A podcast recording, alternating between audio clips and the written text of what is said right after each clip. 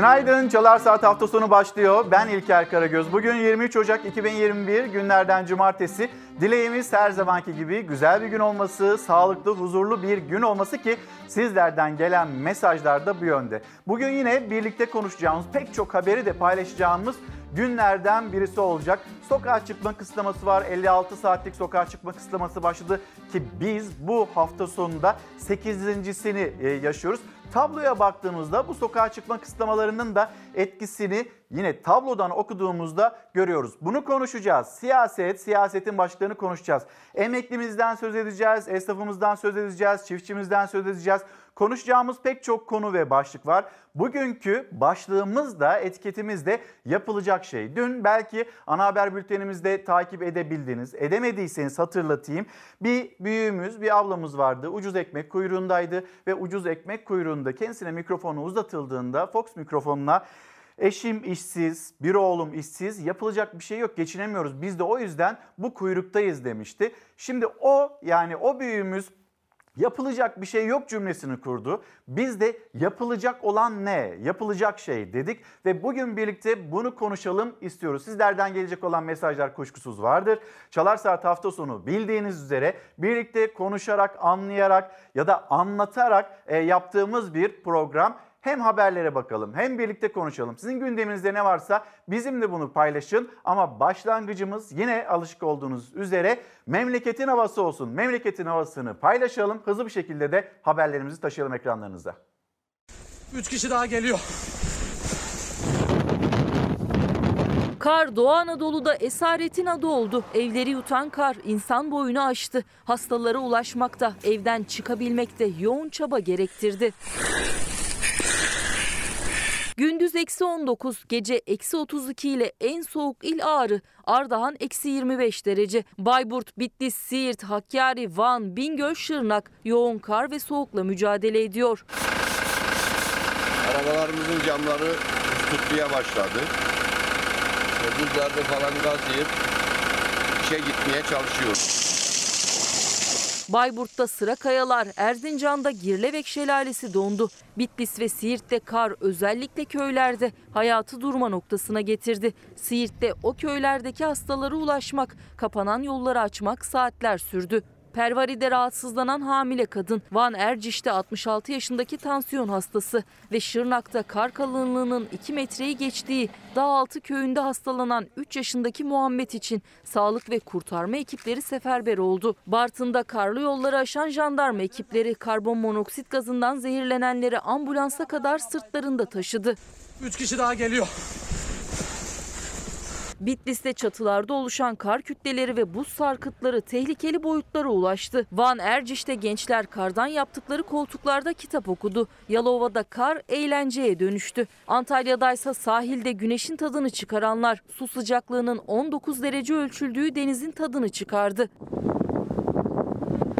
Cumartesi günü Marmara'da yağış görülmeye başlayacak. Cumadan cumartesiye fırtına da etkisini arttıracak. Batı yine çok bulutlu. Ege bölgesi iç kesimlerinde kalan iller haricinde yağışlı olacak. Yağışlar tüm batıda yağmur geçişi şeklinde görülecek. Pazar günü batı bölgeler yine yağışlı. Yağışlı havanın etkisi pazar günü İstanbul'a kadar ulaşacak. Rüzgar yurdun kuzeybatısında yine fırtına şeklinde olacak. Pazar zamanla İç Anadolu ve Batı Karadeniz'le Akdeniz bölgesinde de bulutlar yoğunlaşıyor. Yoğunlaşan bulutlar pazardan pazartesiye iç kesimler Batı Karadeniz ve Akdeniz'e de yağışı getirecek.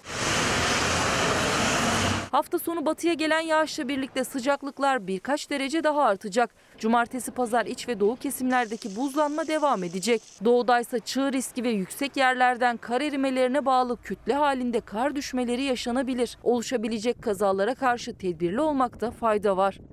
Bizi nereden izliyorsanız, bize nereden günaydın diyorsanız lütfen memleketinizden ve kendi gündeminizden haberleri de ulaştırın. Alican Can Türk yapılacak şey doğruları konuşmaktan korkmamaktır. Öyle yapıyoruz, öyle yapmaya da devam edelim. Birlikte konuşalım. Ahmet Çevik Bey günaydınlar. Şanlıurfa Viranşehir'e selamlarımızı iletelim sizin aracılığınızda. Yapılacak şey bence uyumak artık. Ahmet Bey bence uyanmak. Yani artık yeni bir gün başlıyor ve yapılacak şeyler var. Atılması gereken adımlar var, beklentiler var. Bunlar sıralanıyor. Bence artık uyanmalı ve bunları yapmamız gerekiyor. E, atamızın dediği gibi Türkiye'yi muasır medeniyetler seviyesine çıkartmak Sercan Bey'in mesajı. Navi Bey günaydınlar yapılacak şey 3 dozluk aşının bir an önce temin edilip e, aşıya karşı olan güvenin tam olarak artırılması. Şimdi biz 50 milyon dozluk bir anlaşma yaptık. 3 milyon doz geldi. Yarın itibariyle, yarın sabah itibariyle Türkiye'ye 10 milyon doz aşı daha gelecek. Beklenti bu yönde. Cumhurbaşkanı Erdoğan açıkladı ve bununla ilgili de tartışmalar devam ediyordu. Buna da bakacağız. Güray Köşeli günaydın. Çanakkale'ye selamlar ve diyor ki yapılacak pek çok şey var ama yapılmıyor. Neden yapılmıyor? Bu soruyu soruyor. Can Kaynar'da yapılacak şey bir an önce şapkayı çıkartıp düşünmeye başlamak. Ülke nereye gidiyor diye. Nereden baksak durum vahim ama ümitsizlikte olmasın cümlesini e, göndermiş, mesajını göndermiş bizlere. Bakalım bir Hürriyet gazetesi, esnafın beklentisi var. Öğrencilerimiz, onlar şimdi tatile çıktı. E-karneler hayırlı olsun. 3 hafta dinlenecekler ve bu 3 haftalık süre içinde Öğrencilerimiz zaten sürekli ekran başındaydı. Ekrandan biraz uzaklaşsalar, böyle daha fazla okusalar ve e, nefes alabilecek vakitleri de yaratıp şöyle biraz dolaşabiliyor olsalar çok daha kıymetli olacak ki yine uzmanların uyarıları da bu şekilde. Bir Hürriyet gazetesine bakalım. Hürriyet gazetesinde Cumhurbaşkanı Erdoğan'ın cümlesi ve kendisine yöneltilmiş bir soru dün cuma namazından sonra kafeler ne olacak, restoranlar ne olacak, vaka sayıları düşüyor. Açılır mı acaba önümüzdeki günlerde? Kabine toplantısını işaret etti Cumhurbaşkanı ama bir yandan da böyle çok umut var cümlelerde kullanmadı. Bilim Kurulu onun kararlarına bakılacak, tavsiye kararlarına. Sonrasında Bakanlar Kurulu'nda kabinede bir karar verilecek. Acaba HES kodlarıyla bu restoranlar, kafeler açılabilir mi? Yine Türkiye Esnaf Sanatkarlar Konfederasyonu Başkanı Bendeyi Palandöken'le bir görüşme gerçekleştirdi. Orada 6 madde içinde esnafın yaşadığı problemler bunlar sıralandı ve bununla ilgili de nasıl bir reform hayatımıza girecek bunun da takipçisi olacağız. Ama gelelim Mesela en çok sorulan sorulardan bir tanesi restoranlar, kafeler açılacak mı, açılmayacak mı? Cumhurbaşkanı Erdoğan Hürriyet'in manşetinden gündeme getirdiği e, restoran, kafe işletmelerinin sıkıntısını kabinede ele alacaklarını söyledi. Restoran ve kafelerin çok sıkı denetim altında açılmasına ilişkin Erdoğan şöyle konuştu. Kabinede yeniden ele alacağız çünkü endişelerimiz var. Her ne kadar sıkı tutacağız diyorlarsa da sıkı tutulmuyor. Şu an başarılı giden süreci geri döndürmek istemiyoruz. Elimizdeki verilere göre bir esneme yapabiliriz. Nasıl bir esneme olacak bunu göreceğiz. Şimdi bir de akşam gazetesine bakalım. Burada da bir e, temenni dillendiriliyor. Akşam gazetesinin manşeti de yine restoranlar ve kafelere dair. Ama biz hani okullar açılır mı açılmaz mı 15 Şubat'a işte Milli Eğitim Bakanı tarih verdi. Bir yandan da e, Cumhurbaşkanı Yardımcısı Fuat Oktay e, öyle bir beklenti ortaya koydu. Öğrenciler evde çok sıkıldılar ama burada galiba ilkelerin de devreye girmesi gerekiyor. Nisan ayında Mayıs ayında ne konuşuluyordu? Günlük vaka sayısı binin altında olursa ancak böyle bir sürecin gündeme gelebileceği bu hatırlatılıyordu. E şimdi bakıyoruz 6 binin altına düştü diye vaka sayıları. Buna dair bir sevincimiz var, umudumuz var. Çünkü bayağı ilerilerden 30 binlerden 35 binlerden 6 binlerin altına geldik. Ama hala çok ciddi oranda, ciddi seviyelerde bir vaka sayısıyla karşı karşıyayız. Böyle bir durum içinde ilkeler de oluşturulmadan okullar açılabilir mi? Hatta öğretmenler aşılanmadan, sadece öğretmenler de değil, o okullarda görevli olan herkes personel aşılanmadan 15 Şubat'ta takvim de zaten buna el vermiyor. Okulları açmak ne kadar mümkün? Bu soruyu da soralım. 15 Şubat'ta okulda buluşalım. Milli Eğitim Bakanı Ziya Selçuk'un mesajıydı. Sömestr tatili ilk kez e-karne ile başladığı Bakan Selçuk öğrencilere seslendi. İkinci dönemde salgının yolumuzdan çekildiği oranda okullarımıza döneceğiz. 15 Şubat'tan itibaren sizleri okullara çağırmak istiyoruz. Baharı okulda karşılayalım. Çok güzel cümleler, çok güzel temenniler. Öyle olacak mı? Yani aşı olsa belki ama şu anda elimizde aşı yok. İnşallah yani beklentimiz o yönde. Kurulan cümlelerde böyle. Yarın sabah 10 milyon doz aşı daha gelecek. Şimdi hemen bir 56 saatlik bir sokağa çıkma kısıtlaması var. Bununla ilgili hazırladığımız haber var. Bu habere gitmeden önce bir de Türkiye'nin tablosuna bakalım. Onu paylaşalım sizlerle. 163.342 test yapıldı. Vaka sayısı 5967. Hastanelerde tedavi görenlerin sayısı 734. Vefat edenlerin sayısı 149. İyileşen hasta sayısı bunlar yansıyor. Yoğun bakımlardaki doluluk oranlarının düştüğünü görüyoruz. HES haritasına baktığımızda hani çok riskli bölge olarak görülen yerler şimdi buralarda orta risk seviyesine gelindiğini ve bu sokağa çıkma kısıtlamalarının da bu anlamda başarılı olduğunu görüyoruz. Yetkililer de anlatıyor, bilim kurulu üyeleri anlatıyor. Yoğun bakımlarda görevli olanlar işte 5 tane yoğun bakım vardı ise 2 yoğun bakıma indirdik. Orada hasta sayılarının düştüğünü de yine e, yine o uzmanlar anlatıyor. Bir bakalım Türkiye'nin tablosuna, koronavirüs tablosuna ve yine 56 saatlik o kısıtlama başladı. Haberini aktaralım öyle devam edelim yolculuğumuza.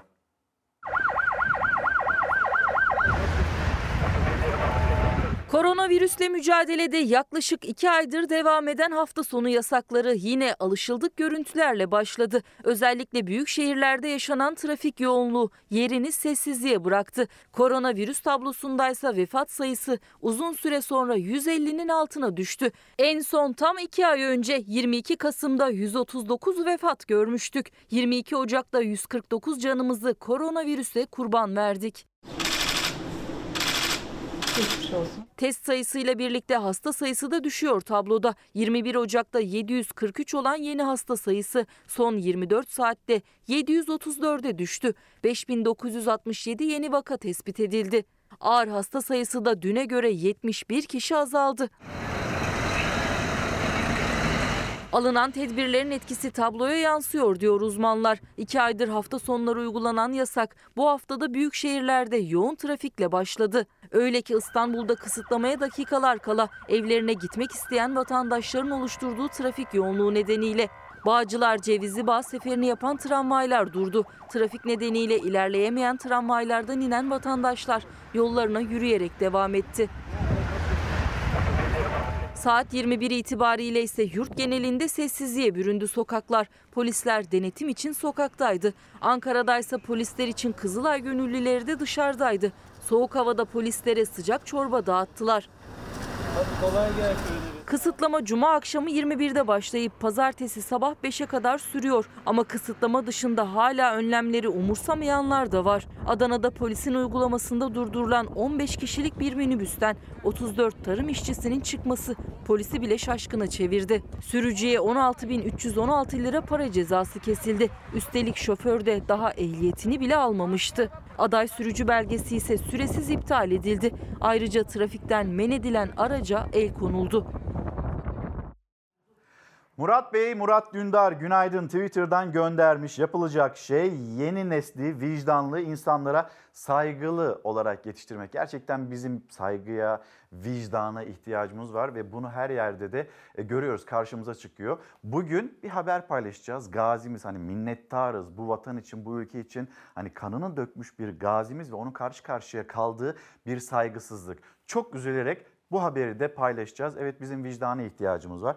Sosyal medyaya bakıyorsunuz. Sosyal medyada herkes birbirine hakaretler yağdırıyor. İçişleri Bakanı Süleyman Soylu şimdi annesi 45 gündür tedavi görüyor. Annesiyle ilgili paylaşılmış olan bir fotoğraf. O fotoğrafın altına inanılmaz kötü cümleler, kalpsizce kurulan cümleler, hatta ahlaksızca kurulan cümleler.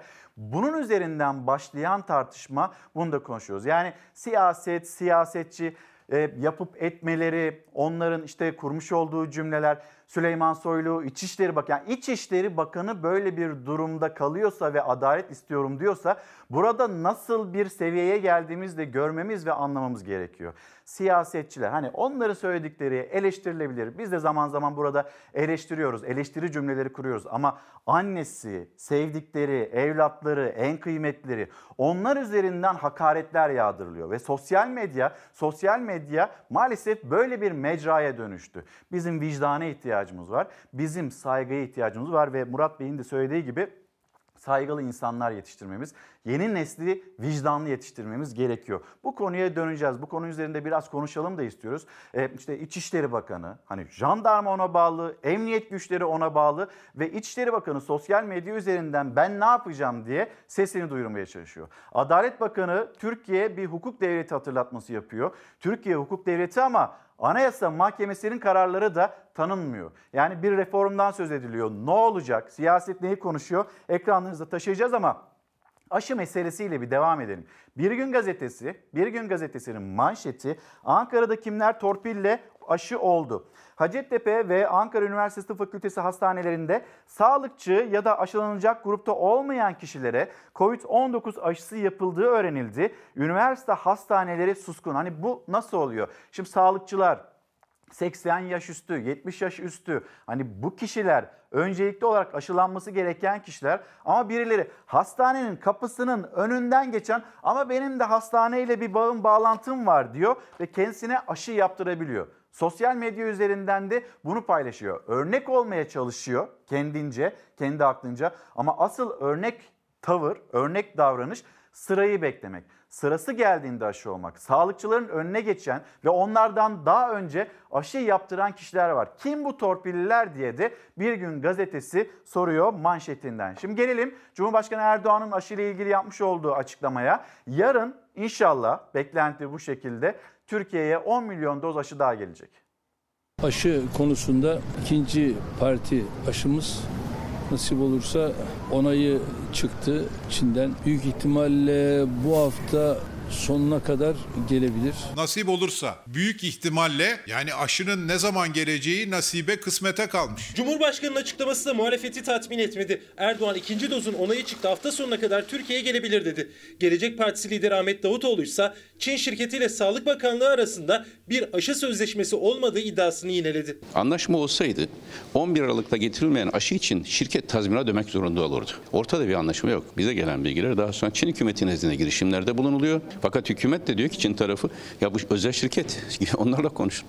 Şimdi 3 milyon aşı bir ön sipariş gibi geldi. İlk gelecek parti Aralık ve Ocak ayı için 20'şer milyon toplam 40 milyondu biliyorsunuz. Şubat ayı için 10 milyon. Planlama bu şekildeydi. Şu ana kadar Türkiye'ye 40 milyon doz aşının gelmesi gerekiyordu. Ancak 3 milyon doz geldi. Sağlık Bakanı tedarik süreci planlandığı gibi gidiyor dedi ama muhalefet günlerdir aşı nerede diye soruyor. Hükümetin dediği hiçbir şeye güvenmiyorum. Burada doz meselesi yani Türkiye'deki nüfusun %60'ı aşılanmadan salgını durdurmak zor.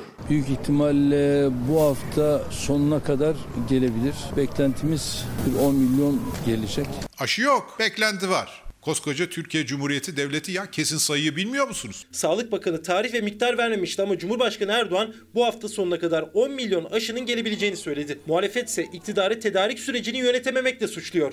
Ali Babacan Karar TV'de konuştu. Yok dediler Aralık'ta işte 20, 10 geliyor da Ocak'ta 20 geliyor da falan filan. Gele gele bugüne kadar 3 milyon. Kimisi diyor ki Çin'le bir bu suçluların iadesi anlaşması var. Meclisten geçmeden galiba gelmeyecek. Kimisi diyor ki kaynak yok. Vatandaşların sağlığıyla oynuyorsunuz. Varsa aşı sözleşmesi göstersinler ve ne zaman imzalandığını göstersinler. Ahmet Davutoğlu Sağlık Bakanlığı ile Çin şirketi arasında bir anlaşma olmadığını daha önce duyum değil bilgi diyerek dile getirmişti.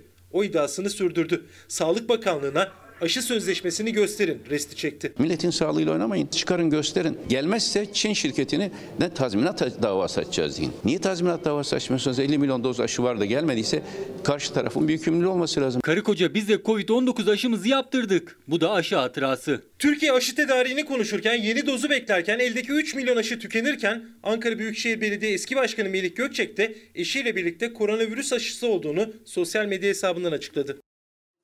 Yapılacak şey dört duvar arasında sıkışan insanların nefes aldığı mevcut hobi bahçelerinin yıkılmaması. Cemal Candaş'ın gönderdiği mesaj ki bununla ilgili hem Instagram'dan hem Twitter'dan haftalardır hani Kasım ayında alınan bir karar haftalardır da hobi bahçelerinin yıkılmamasını isteyen izleyicilerimiz var. Kendilerini de hatırlatıyorlar.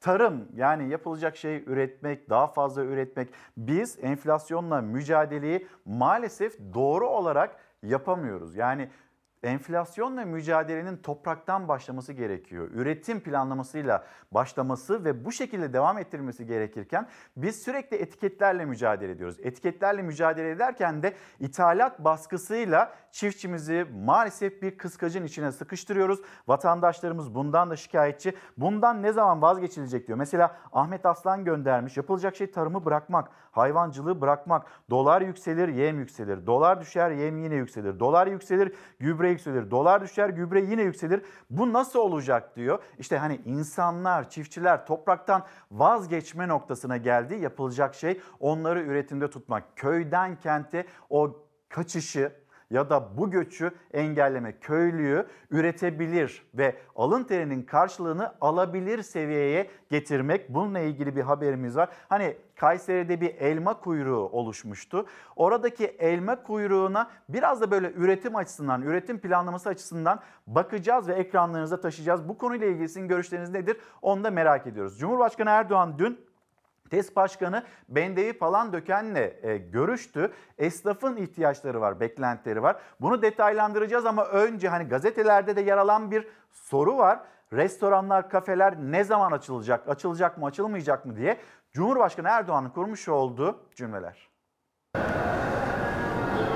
Restoran işletmeciliği konusu ise kabine toplantımızda inşallah e, bunun değerlendirmesini yeniden ele alacağız. Çünkü endişelerimiz var. Elimize gelen verilere bakarız. O verilere göre de gerekirse bir esneme yapılabilir. Aylardır müşteri kabul edemiyor restoranlar. Koronavirüs nedeniyle yasak. Paket servisle de geçinemiyor esnaf. Vaka sayıları gerileyince restoranlardan, kafelerden yasak kalksın çağrıları yükselmeye başladı. Cumhurbaşkanı Erdoğan kabine toplantısını işaret etti. Net konuşmaktan kaçındı. Muhalefetse esnaf ziyaretlerine ara vermedi. Maalesef her ne kadar sıkı tutacağız diyorlarsa da daha önce de bunlar söylendi. Maalesef sıkı tutulmuyor. Şu anda başarılı bir süreç var. Bu başarılı süreci tekrar tersine çevirmek böyle bir şeyin altına girmek istemiyoruz. O riski almak istemiyoruz. Devlet yani diyelim ki iş yerini kapatan esnafın yanında değilse, işsiz bıraktığı kişinin yanında değilse o devlet sosyal devlet değildir. Biz kahveciyiz. 16 Mart'ta kahvanelerimiz kapandı biz. Bir yıldır kiramız duruyor. Hiç ödemedim. Ya ödeyemedim daha doğrusu. 2020 yılı tamamen kapalı geçti. Devlet o 2020'nin vergisini bizden yine de alacak. Şimdiye kadar hiç yardım almadım. Tam 6 aydır kapalıyız. Yani yılın yarısını yaptık, yılın yarısında çalıştık. Kiralarımızı ödedik, vergilerimizi ödedik. Bize derdimiz ve şikayetimiz sorun yok. CHP lideri Kemal Kılıçdaroğlu Kırşehir'de sordu esnafa derdini. Boş bir kasaya oturdu, dinledi, not aldı. Gelecek Partisi lideri ise İstanbul'daydı. Muhalefet esnafın nabzını sokakta tuttu. Biz konuştukça düzelecekler. Düzelmezse kusura bakmasın. Ben Allah'a hesap vereceğim. Tayyip Bey'e veya Ali Bey'e, Veli Bey'e değil. Evlerimiz kira, bankalara borcumuz var. Hepimizin sorunu çok büyük. İş yapamıyoruz ama her gün düzenli olarak vergimizi ödüyoruz, kiramızı ödüyoruz, elektriğimizi ödüyoruz ama iş yapamaz hale geldik. Ödemeleri devam ediyor esnafın, geliri ise yok. Kırşehir'de abdallarla da bir araya geldi Kılıçdaroğlu. Anlat bakalım. Biz hiç iyi değiliz başkanım. Biz müzisyen insanlarız. Hadi. İşimiz yok, gücümüz yok. Evet. Düğün çalamıyor. Abdal abdallıktan çok, çok özür dilerim. Bizler vallahi billahi perişanız. Kısıtlamaların esneyebilmesi için acele edilmeyeceğinin sinyalini verdi Cumhurbaşkanı Erdoğan. TESK Başkanı Bendevi Palandöken'le görüştü. Palandöken esnafın taleplerini sıraladı. Ne kadarı hayata geçecek belli değil. Esnafsa ayakta durabilmekte zorlanıyor. Elektrik gelmiş 250 milyon, doğal gelmiş 850 milyon. 54 yılımı verdim buraya. Evet. İlerliyoruz da pek tadı yok piyasada. Tadı yok biliyorum. Gözler kabine toplantısında burada nasıl bir esneme olacak? Ve yine e, Bendevi falan döken ve Cumhurbaşkanı Erdoğan görüştü. 6 madde sıraladı. Bendevi falan döken Erdoğan'la e, buluşmasında. Ve acaba bu maddelerden kaçı hayata girecek? Ve yine esnafa nasıl bir destek sağlanacak, can suyu sağlanacak dikkatler yine önümüzdeki haftada. Şimdi bir başka daha soruya geçelim. Okullar açılacak mı, açılmayacak mı? 15 Şubat'a herkes hani bir temenni olarak bunu söylüyor. Bir beklenti olarak bunu söylüyor. Aşıda nasıl bir beklenti varsa okulların açılması ile ilgili de, kafelerin, restoranların açılması ile ilgili de beklentiler var. Artık insanlar sıkıştı, insanlar geçinemiyor.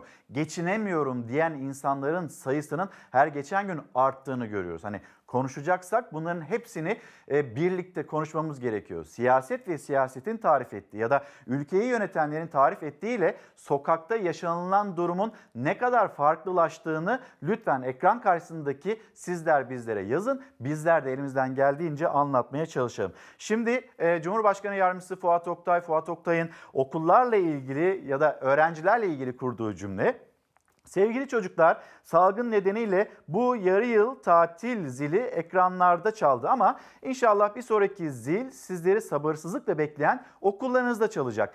Hepinize keyifle ama ne olursa olsun her dakikasını tedbirlere dikkat ederek geçireceğiniz bir yarı yıl tatili diliyorum. Şimdi herkesin isteği bu. Okulların açılmasını istiyor. Çocuklar daha fazla istiyor. Hani öğretmenlere bir haksızlık yapılıyor ama öğretmenler haksızlık yapanlardan daha fazla bu okullarda zilinin okul zillerinin çalmasını istiyorlar. Herkes okuluna dönmek istiyor ama öğretmenleri aşılamadan hani yeterli aşı yokken bunu nasıl sağlayacağız? Sadece tabloya bakarak ya da tablodan okuyarak durumu biz bunu sağlayabilir miyiz? Mümkün değil. Bizim aşılanmamız, öğretmenlerimizin aşılanması gerekiyor. Toplumda hani toplumun kısa vadede %60'ının bir şekilde hızlıca aşılanması gerekiyor. Ondan sonra biz ancak okulların açılabilip açılamayacağını e, konuşabiliriz. Ama bugünden 15 Şubat'a mektup gönderiliyor. Temenni mektupları.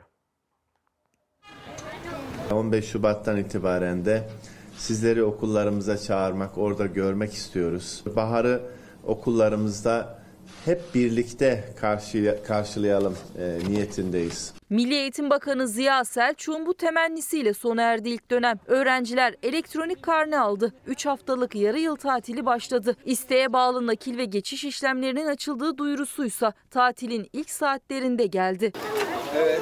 Daha önce Covid-19 salgını nedeniyle alınan tedbirler kapsamında resmi ve özel eğitim kurumlarında isteğe bağlı nakil ve geçiş işlemleri durdurulmuştu. Milli Eğitim Bakanlığı yaptığı açıklamayla isteğe bağlı nakil ve geçiş işlemlerinin açıldığını duyurdu. Nakiller yarı yıl tatilinin ilk haftasından itibaren yapılabilecek. Peki ikinci dönem ne zaman ve nasıl başlayacak? Okullar aylardır kapalı. Öğrenciler eğitimlerine uzaktan devam ettiler bu süreçte. Bugün itibariyle 3 haftalık ara tatile girdiler. Ancak yarı yıl tatilinden sonra okullarda yüz yüze eğitimin başlayacağı tarih henüz net değil. Hedef 15 Şubat ancak öğrencilerin okula dönüp dönemeyeceklerini koronavirüs tablosu belirleyecek. Şubat başı rakamlara, hasta sayısındaki gidişe, vaka sayısındaki gidişe ve aşılamaya göre karar vermek daha doğru. Okulların açılıp açılmayacağı iki hafta sonraki koronavirüs tablosuna göre belli olacak. Toplum Bilimleri Kurulu üyesi Profesör Doktor Necmi İlhan'a göre önce ilkokullarda başlayabilir yüz yüze eğitim. Kademeli olarak daha küçük sınıflardan, ilkokul e, birlerden, ikilerden, sonra sınava girecek çocuklardan başlayarak gitmek daha doğru olacaktır. Hem de zaten öğretmenlerimiz de aşılaması biliyorsunuz ikinci grupta yer alıyor.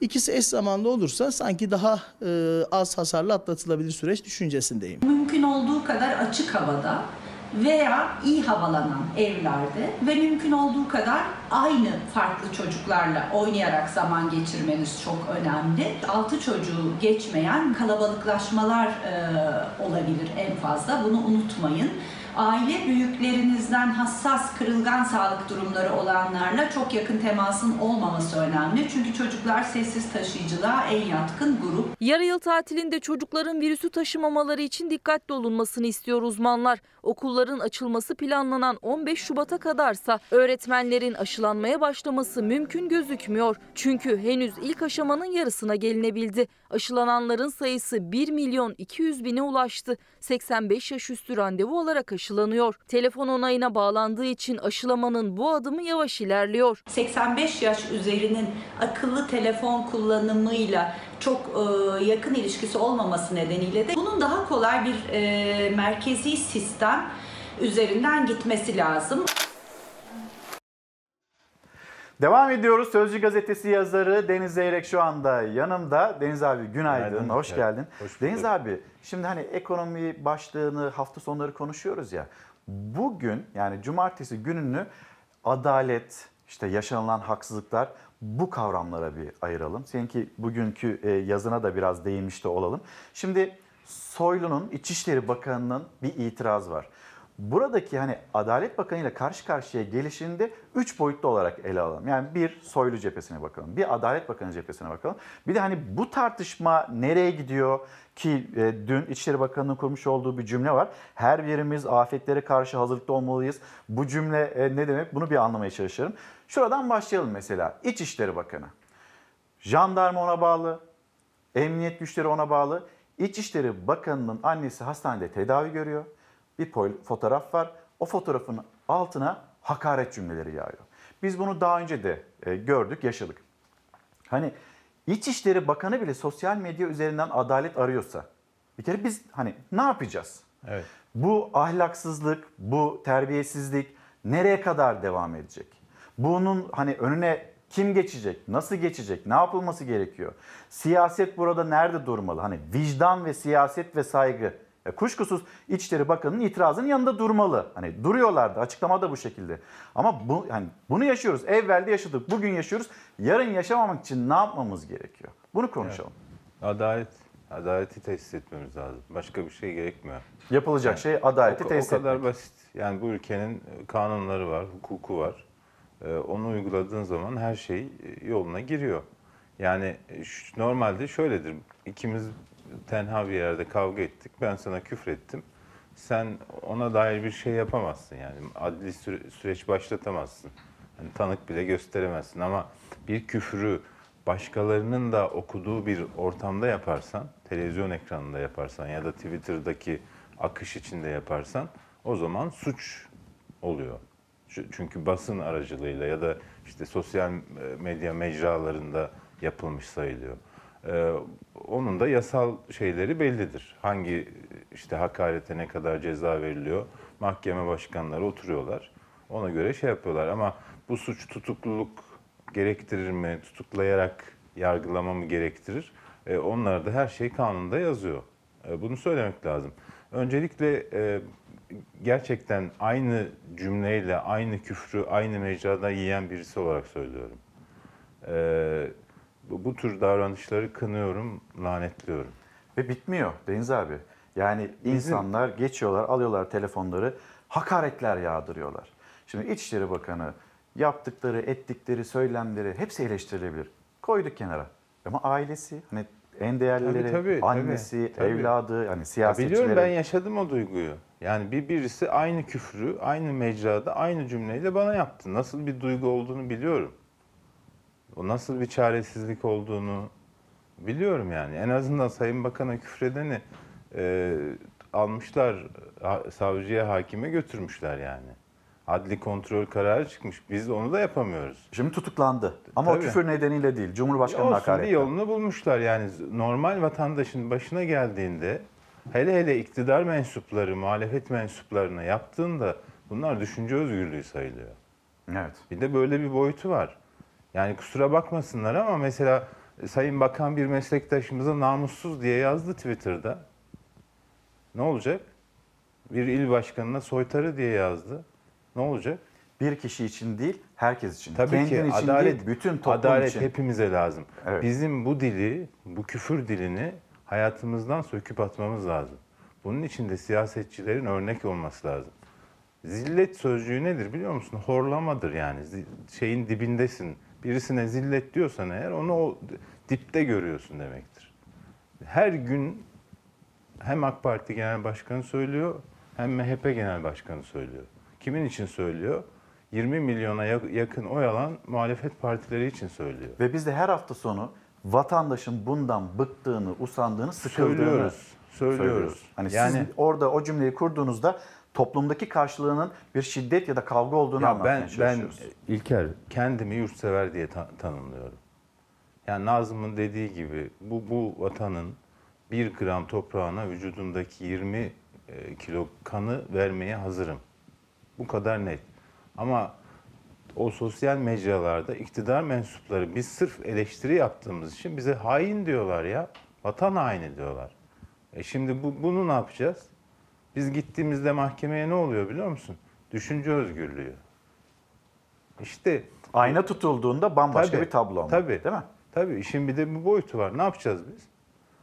Yani Sayın Bakan'ın a- annesine acil şifa diliyorum. Anneler en kıymetli varlıklarımızdır. Acil şifalar dileklerimizi cennet, iletelim. Cennet anaların ayağı altındadır. Düsturuyla büyüyen bir toplumuz biz. Yani bu, bu şerefsizliği, o analara küfreden zihniyeti kınıyorum, lanetliyorum. Ama yani adaleti de tesis etmemiz lazım. Koca bakan, ülkenin bakanı yani bütün güvenlik kuvvetlerinin başındaki isim bile buna maruz kalıyorsa gariban vatandaş ne yapacak yani? Biz ne yapalım? Biz ne yapalım? Deniz abi e, hani bu hakaretten bu cümlelerden dolayı tutuklanmadı kişi. Cumhurbaşkanı'na hakaretten tutuklandı. Hem e, son gelişmesine bakalım, yeni gelişmesine hem de e, bir e, buradaki, bu cephedeki tartışmayı bir hatırlatalım size öyle devam edelim.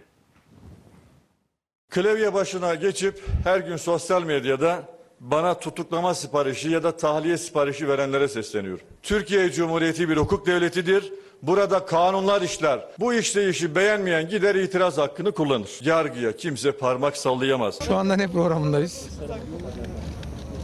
Türkiye afet bölgesidir ve her birimizin afetlere karşı hazırlıklı olması önemlidir. Günlerdir siyaset gündemini meşgul eden İçişleri Bakanı Süleyman Soylu ve Adalet Bakanı Abdülhamit Gül arasında soğuk rüzgarlar mı esiyor sorusunu sordurtan tutuklama polemiğinde yeni gelişme. Şüpheli Erdal E, Cumhurbaşkanına hakaret suçlamasıyla tutuklanarak cezaevine gönderildi. 45 gündür anam hastanede. Annemle fotomun altına küfreden alçak mahkemeye çıkıyor ve adli kontrolle serbest. Ne yapmalıyım? Bakan olsam ne yazar? Geçtiğimiz iki gün boyunca İçişleri Bakanı Süleyman Soylu'nun tedavi gören annesine hakaret eden kişinin serbest bırakılmasına verdiği tepki ve Adalet Bakanı'nın İçişleri Bakanı'na yönelik sözlerini konuştu siyaset. Hakim serbest bıraktı. Neden? İki yılın altında bir suç var. Kanun da böyle çıkmış. Ben kanuna uyarım diye bu kararı verdi diye yargıyı eleştirmek bunların tartışılacağı, olgunlaştırılacağı yer Yüce Meclis çatısıdır. Sosyal medya mecrası değil. İçişleri Bakanı ile Adalet Bakanı ergen çocuklar gibi birbirleriyle klavye kavgasına tutuşuyorlar. Adalet Bakanı'nın doğrudan Sayın İçişleri Bakanımıza yönelik herhangi bir açıklaması değil. İşte bir hashtag açılıyor. Şu kişi tutuklansın. Bu kişi serbest bırakılsın. Altında yüzlerce tweet. Adalet Bakanı'nın tepkisi buna. İçişleri Bakanı Adalet Bakanı'na kimi tutuklaması gerektiğini söylüyor. Adalet Bakanı da sen bana talimat veremezsin. İşin özü bu. Bu ikisi arasında galiba biraz işler e, karışmış. Her iki bakanımız da çok uyumlu, iyi bir şekilde çalışmaktadırlar. Muhalefetin kabine içindeki gerilim yorumlarına karşı AK Parti'den iki bakan arasında sorun yok açıklaması gelmişti. Gözler o bakanların üzerindeydi. Son olarak Soylu'dan Adalet Bakanı Abdülhamit Gül'ün kendisine hedef alan sözlerine karşı afet bölgesi cevabı gelmiş. Adalet Bakanı ise bir kez daha tartışılacağı yer sosyal medya değil demişti. Türkiye afet bölgesidir ve her birimizin afetlere karşı hazırlıklı olması önemli. Sayın Bakanımızın muhterem validelerine bu tür ifadeleri, çirkin, e, hayasız ifadeleri bir kez daha kınıyorum. Yasalarda da bir ihtiyaç olması halinde bunlarla ilgili de değerlendirmeler yapılması gerekir. Bunların konuşulacağı yer parlamentodadır. Yargı dağıtımı mahkemededir. Sosyal medyada değil. Şüpheli Erdal E. İçişleri Bakanı Süleyman Soylu'ya hakaret ettiği gerekçesiyle gözaltına alınıp sonra serbest bırakıldı. Ama Erdal E.'nin sosyal medya hesaplarında yapılan incelemede Cumhurbaşkanına hakaret içerikli paylaşımları olduğu da tespit edildi. Dün akşam hakkında başlatılan soruşturma kapsamında tutuklandı. Hakimin karşısına çıkan Erdal E. tutuklanarak cezaevine gönderildi. AK Parti'den yapılan açıklama iki bakan uyum içinde çalışıyorlar e, şeklinde ama hani yansıyan şekli hani vatandaşta hissettirdiği ya da muhalefette hissettirdiği o şekilde değil. Bu arada Süleyman Soylu işte 45 gündür anam hastanede annemle fotoğrafımın altına küfür eden alçak mahkemeye çıkıyor ve adli kontrolle serbest. Ne yapmalıyım bakan olsam ne yazar diyor. Şimdi Süleyman Soylu bunu anlatıyor. E şimdi geçen haftaya dönelim. Orhan Uğuroğlu bir gazeteci sokak ortasında saldırıya uğradı. Müşteki olarak o 7 saat e, karakolda kaldı. Ona saldıranlar 2 saat kaldı. Bir kapıdan girdi, diğer kapıdan çıktı. Hani ne olacak Deniz abi dediğimde Evet. bu olacak demiştim. Evet. E bir siyasetçi, siyasetçiye sokak ortasında elinde silahlı kişiler 5 kişi bir siyasetçiye saldırıyor. 2 kişi tutuklandı. Diğer 3 kişinin tutuklanmasıyla ilgili istem tam bir hafta sonra çıktı. Tabii yakalama kararı. Şimdi hani böyle Onlar bir bütün, tablo var. Bütün önlemlerini almışlardı. Ya daha vahimleri var İlker. Yani bir kadına tecavüz eden, onu intihara sürek, sürükleyen insan serbest bırakıldı. İlk, geçenlerde yine aynı vaka başka bir şehirde yaşandı. Önce ilki Hakkari'deydi, şimdi Antalya'da. Aynı vaka. Yani sosyal medyada görmüşsündür. Yani Abdülhamit Gül Adalet Bakanı haklı. O cepheye girelim. Şimdi o haklı. O zaman Abdülhamit Gül cephesine gelelim. Bir cümlelerini okuyayım mı abi? Herkes de izleyicilerimiz de hatırlasın. Klavye başına geçip sosyal medyada bana tutuklama, tahliye siparişi verenlere sesleniyorum. Türkiye Cumhuriyeti hukuk devlettir. Yargıya kimse parmak sallayamaz. Konuşulacak yer sosyal medya değildir. Türkiye Büyük Millet Meclisi'dir. Buraya geldik şimdi. Doğru. Doğru. Şimdi şu mesele şu. Bu suçun cezası 2 yılın altında.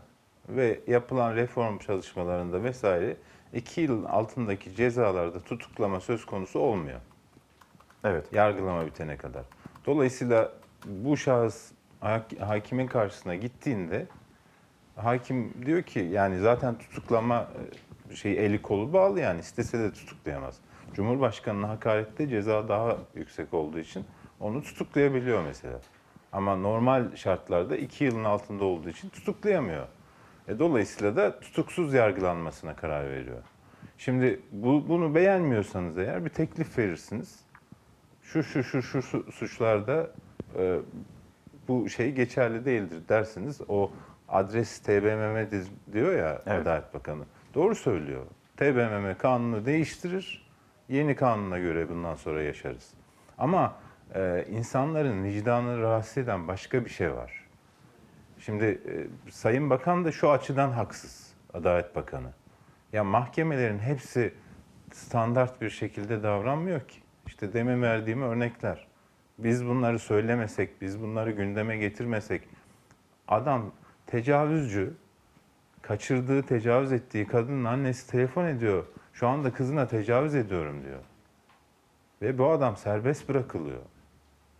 Şimdi sosyal medyada vatandaş buna tepki göstermesin mi? Bu adam- Sosyal medyanın da bir adaleti var. Yani ya o başka. Şimdi bir de bak, öyle bir işte o tartışma başka. da Yani devam sosyal ediyor. medyadan kimse sosyal me- medyada kimse mahkeme kurup e, işte ceza kesemez. Bu bu bu başka. Bu işi bu ülkede mahkemeler, bağımsız mahkemeler yapar. Öyle ama Deniz abi sosyal medyada tepki yüksek işte serbest bırakılıyor dediğin kişiler sosyal medyada olay inanılmaz büyüyor. İşte onu diyorum. Sonra heh, Yargı işini layıkıyla yapsaydı eğer Adalet Bakanı ne bunları konuşmak zorunda kalırdı ne de sosyal me- medyada mahkeme kurulurdu. Yargı vicdanları rahatlatan kararlar almaya devam etse bir standardı olsa bu işin öyle olur. Yani düşünsene şimdi e, hakarete uğruyorsun.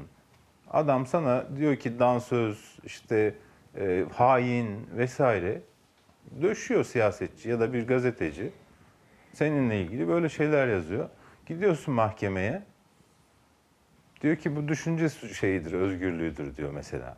Ondan sonra sen aynı aynı ifadeleri o zaman ben de sizin için kullanıyorum diyorsun. Yani düşünce özgürlüğü saydığınız ifadeleri sizin için kullanıyorum. Onu e, oradan ceza alıyorsun. Şimdi kişiye göre adalet olmaz. İnsanların durduğu yere ada, göre adalet o zaman hukukun gücü değil, güçlünün hukuku olur. Deniz abi burada nokta koymayalım, bir virgül koyalım. Biraz daha konuşmaya devam edeceğiz. Hani Adalet Bakanı diyor ki Türkiye Cumhuriyeti hukuk devlettir. E, Anayasa Mahkemesi, Anayasa Mahkemesi'nin Tabii. vermiş olduğu bir karar. E, o kararı tanımayan bir yerel mahkeme. Burada da düzeltilmesi gereken e, durum var. Enis Berberoğlu kararı. Bir mola verelim, dönüşte devam edelim. Günaydın. Çalar Saat hafta sonu devam ediyor. Sözcü gazetesi yazarı Deniz Zeyrek'le sohbetimize de devam ediyoruz. Deniz abi şimdi buradaki tartışmayı bir tamamlayalım. Süleyman Soylu cephesine baktık. Adalet Bakanı Evet. cephesine baktık. Şimdi Vatandaş cephesine de vatandaş cephesine de baktık. Şimdi hani AK Parti diyor ki AK Parti'den yapılan açıklama Mehmet Muş'un açıklaması iki bakan uyum içinde çalışıyor. Ve yine Süleyman Soylu'nun e, açıklaması e, o da her birimiz afetlere karşı hazırlıkta olmalıyız. Ya o şey bulunduğu toplantıya gönderme yapıyor. Yani polemiğe girmek niyetinde değilim mesajı. Uyumlular mı yani? Ya şöyle ben sordum yani iki bakan da bu işleri birbirinin üstüne alınmamış yani.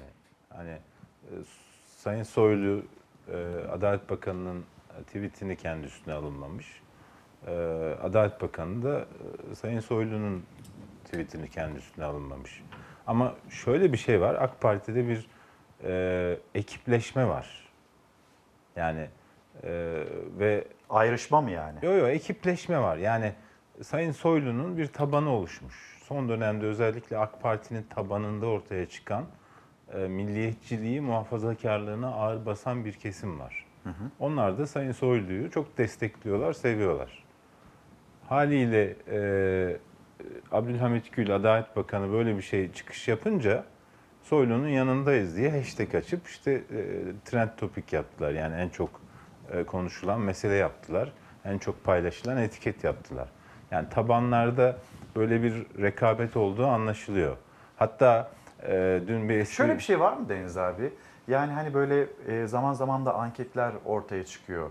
E, AK Parti, AK Parti'de hani bir liderlik yarışı olursa Cumhurbaşkanı Erdoğan'dan sonra mesela Süleyman Soylu ya da AK Parti içinde böyle bir tartışma diye sürekli konuşulan konulardan bir tanesi haline gelmeye başladı. Ya onu bilmiyorum ama yani AK Parti'nin tabanında bir değişim var. AK Parti'nin gençlik örgütü e, eskisi gibi hani milli görüş çizgisinde çok fazla değil.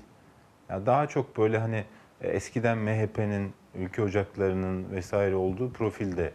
Yani milliyetçilikleri daha şey basıyor. Bir de hani e, gurur gurur duyuyorlar. Yani gerçekten hani terörle mücadelede vesaire çok başarılı işler yaptı Süleyman Soylu. Yani ilk defa Türkiye'de ben e, yıllardır bu şeyi takip ediyorum. E, güvenlik kurumları arasında ciddi bir koordinasyon var. Jandarması, silahlı kuvvetleri, polisi, MIT'i yani e, terörle mücadele sırasında ciddi işbirliği yapıyor. Ciddi koordinasyon sağlıyor.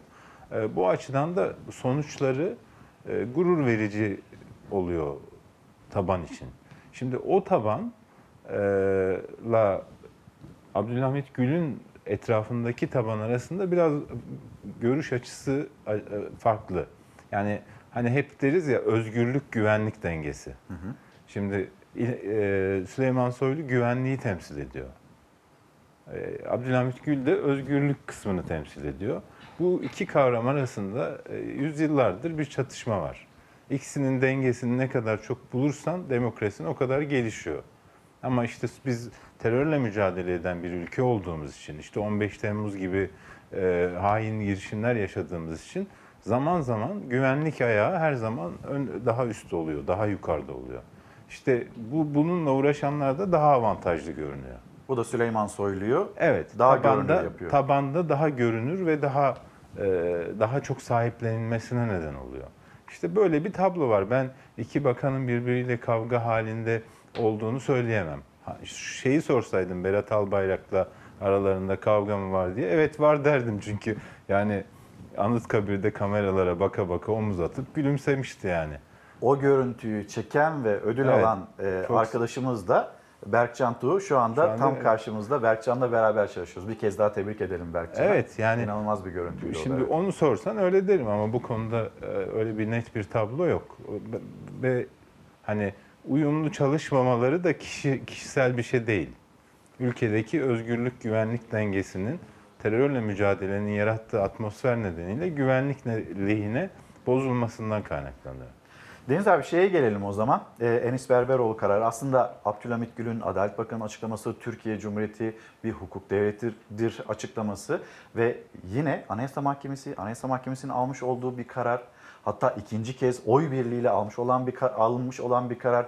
Yerel mahkemenin, Anayasa Mahkemesi'nin işte kararlarını e, tanımaması, direnmesi bunları konuştuk. Şimdi acaba ne olacak? Anayasa Mahkemesi'nin bu kararından sonra, ikinci kararından sonra yerel mahkeme nasıl bir e, tutum tavır takınacak? Bu arada e, AK Parti Genel Başkan Vekili Numan Kurtulmuş bir yargı reformu, bununla ilgili de dün katıldığı televizyon programında açıklamalar yaptı. Artık böyle halkla da paylaşılabilecek seviyeye geldi. Cumhurbaşkanı Erdoğan da bunu e, anlatacak. E, nasıl bir reform paketinden söz ediyoruz?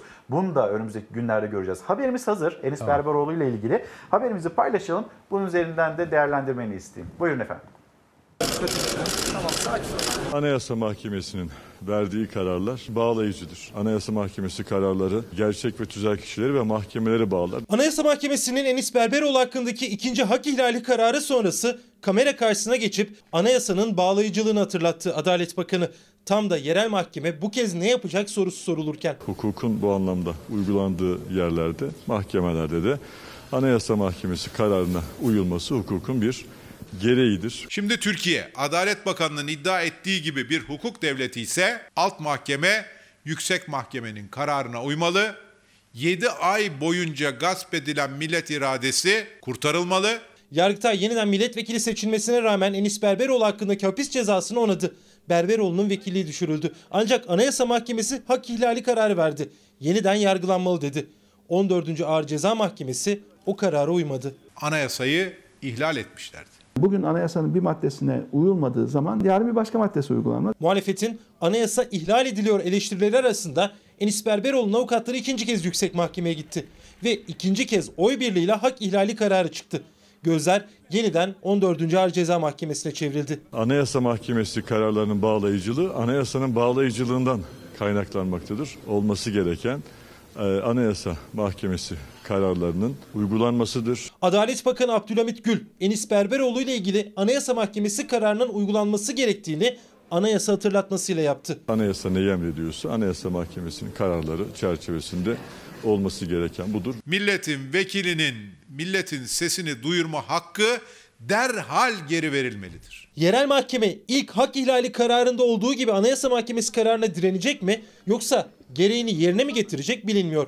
Ama CHP yeniden yargılamayla birlikte düşürülen milletvekilliğinin de Berberoğlu'na iadesini bekliyor. Reform paketi ile ilgili biz insan hakları evrensel beyannamesiyle ilgili onu da baz alarak eylem planımızı aramızda konuştuk. Cumhurbaşkanı Erdoğan hukuk reformu ile ilgili insan hakları evrensel bildirgesini baz aldık dedi. Avrupa İnsan Hakları Mahkemesi'nin hakkında hak ihlali kararı verdiği tutuklu Osman Kavala ile ilgili de yeni bir gelişme yaşandı. İstinaf Mahkemesi Kavala ile birlikte 9 sanığın Gezi davasındaki beraat kararlarını bozdu. Deniz abi Anayasa Mahkemesi'nin kararları bağlayıcıdır. Şimdi cümle bu ama, Ama karşılaştığımız öyle değil. Yine Cemil Çiçek'in açıklamasını e, hatırlayalım ve hatırlatalım. Yani reformdan bahsediyoruz. İstediğinizi yazın. Tabii, Zaten işte Anayasa Mahkemesi'nin kararları bağlayıcıdır. İstediğinizi yazın. Yerel mahkeme Anayasa Mahkemesi'ne direniyor. Ne yazarsanız yazın. Tabii tabii. Ya bir şey söyleyeyim mi? Normalde e, işlem yapmaları gerekiyordu. Bilmiyorum MSK bu konuda işlem yaptı mı? Yani hukuk normlarının gerektirdiği şeyleri eğer bir hukukçu tanımıyorsa e, onunla ilgili bir ciddi bir e, müeyyide olması lazım değil mi? Yani Anayasa Mahkemesi, anayasanın çok açık bir maddesi var. Anayasa da diyor bağlayıcıdır diyor. Galiba 138. madde bağlayıcıdır diyor. Yani herkesi bağlar diyor mesela. Mahkemeyi bağlamaz demiyor. Herkesi bağlar diyor. Eğer bu anayasa hükmüne rağmen tanımıyorsa ona bir müeyyide uygulamak lazımdı. Ama uygulamadılar. Dolayısıyla da bu şey devam ettikçe, herkesin yanına kar kaldıkça anayasayı bir kere de ben deleyim ne olacak diye rahmetli Özan'ın lafı vardı ya. e, Herkes o moda giriyor. Bir kere de ben diyor kanunu deleyim ne olacak ki diye. E, Ama işte eninde sonunda ben şunu düşünüyorum. Ya biraz e, işin muhatapları mağdur oluyor. Yani Enis Berberoğlu burada gerçekten mağdur oldu. Fikrin Milletvekili- değişti mi? Enis Berberoğlu'nun e, Türkiye Büyük Millet Meclisi'ne dönme ihtimali Ben bugünkü yazımın başlığı dönecek. Çok kesin bir ifade kullandım. Çünkü e, iklim de değişti. Yani şimdi biraz önce bahsettiğin yargı reformu, insan hakları eylem planı, üstünde çalışılan şeyler bunlar. Bunların e, samimiyetle uygulanacağına dair bir algı yaratmak istiyorlarsa e, daha bariz bir örnek yok ortada. Yani Anayasa Mahkemesi ya Türkiye tarihinde görülmemiş.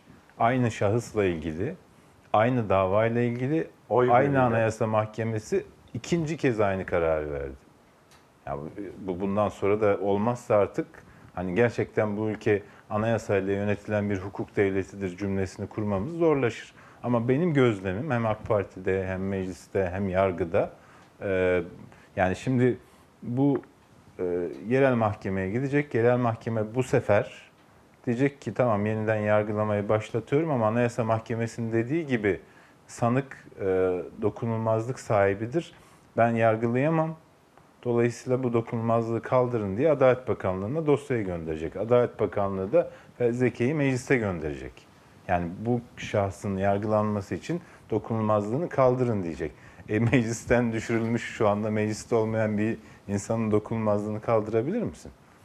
Ama zaten o aşamaya gelindiğinde e, mecliste okunan hüküm de Yargıtay kararı da e, yok hükmünde olacak. Yani çünkü ilk e, derece mahkemesinin kararı ortadan kalktığında ona dayanılarak verilen Yargıtay kararı da ortadan kalkacak. Dolayısıyla da mecliste meclis başkanının okuyup Berberoğlu'nun üyeliğini düşürdüğü o hükümde yok hükmünde olacak. ne kadar acele edilmişti değil mi orada? Tabii tabii. Yani o zaman uyarıldı. Böyle yapmayın. Bakın böyle bir sonuç çıkarsa e, şey olur. Şimdi ilk defa yine Türkiye Cumhuriyeti tarihinde bir ilk yaşanacak ve bir içtihat oluşacak. Milletvekilliği yanlışlıkla düşürülen birinin geri milletvekili yapılması nasıl olur diye bir hukuki yol belirlenecek.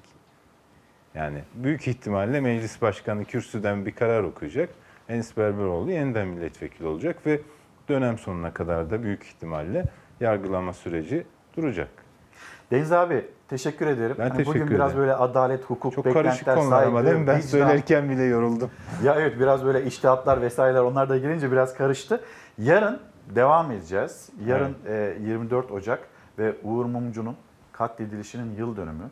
Biraz bunu konuşalım istiyoruz. Evet. Ve hani e, bizim bir yola ihtiyacımız var ve o yolda hani doğru adımlar atmak nasıl mümkün olabilir? Hem bunu İlker, konuşalım. bu Ocak ayı bizim için, gazeteciler için çok felaket bir ay. Yani Maalesef. Metin Göktepe, Hrant Dink, Uğur Mumcu, daha önce de tabii akademisyenler, e, Muammer Aksoy, Bahriye Üçok hep böyle Ocak ayına denk gelmişti. Yarın e, uzun uzun konuşalım. Bu konuyla ilgili de zaten hani e, hani adaletle özgürlük bu konuyla ilgili de hazırlığımız var. Uğur Mumcu'yla e, ilgili yine konuşacaklarımız var, anlatacaklarımız var. O gün yaşanılanlar üzerinden 28 yıl geçti. Biz hala Mayıs ayına e, verilmiş olan bir mahkeme tebligatını konuşuyoruz. Hani nerede, bunu e, yapanlar nerede, bu hain saldırıyı yapanlar. Yine bunu da hatırlatacağız. Deniz abi teşekkürler. Ben teşekkür Yine. Fox Haber'in ısrarla üzerinde durduğu bir konuydu. Genel sağlık sigortası. Genel sağlık sigortası ile ilgili hani vatandaşlar sağlığa erişemez noktadaydı. ilaca erişemez noktadaydı. Burada yaşanılan bir haksızlık ya da bir sıkıntı bunu sürekli gündemde tuttuk ve dün e, Çalışma Bakanı'ndan bir açıklama geldi. Onu da yönetmenimizden İrfan Tomakin'den bir rica edeyim.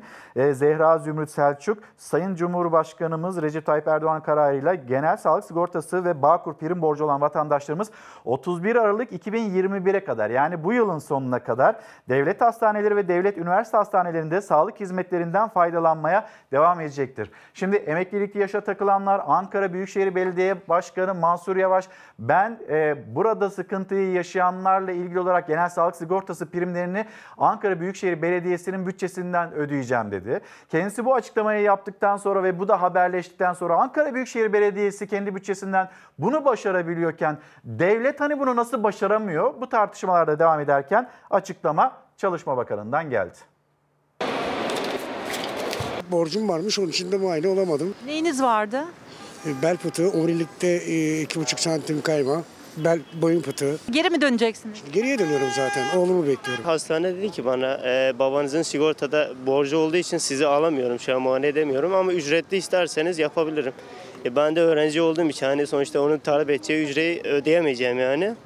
O yüzden o e, şeyden yararlanamadım yani. Tedavi olamadınız. Olamadım aynen. Fox Haber günlerdir ekrana getiriyordu hastane kapısından dönen genel sağlık sigortası borçlularını. Çünkü borç nedeniyle sağlık hizmetlerinden yararlanamıyorlardı.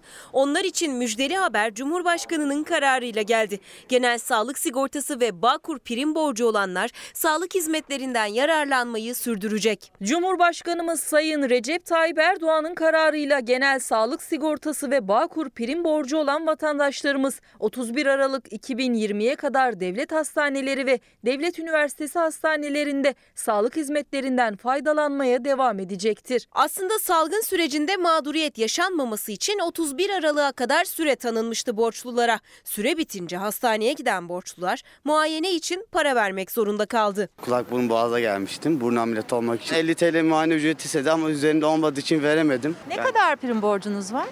Yaklaşık 2-3 milyara kadar borcum var. Maalesef şu an iş bulamıyorum. Ki malum pandemiden dolayı pek işler yok. Ne kadar prim borcunuz var? 860 küsür.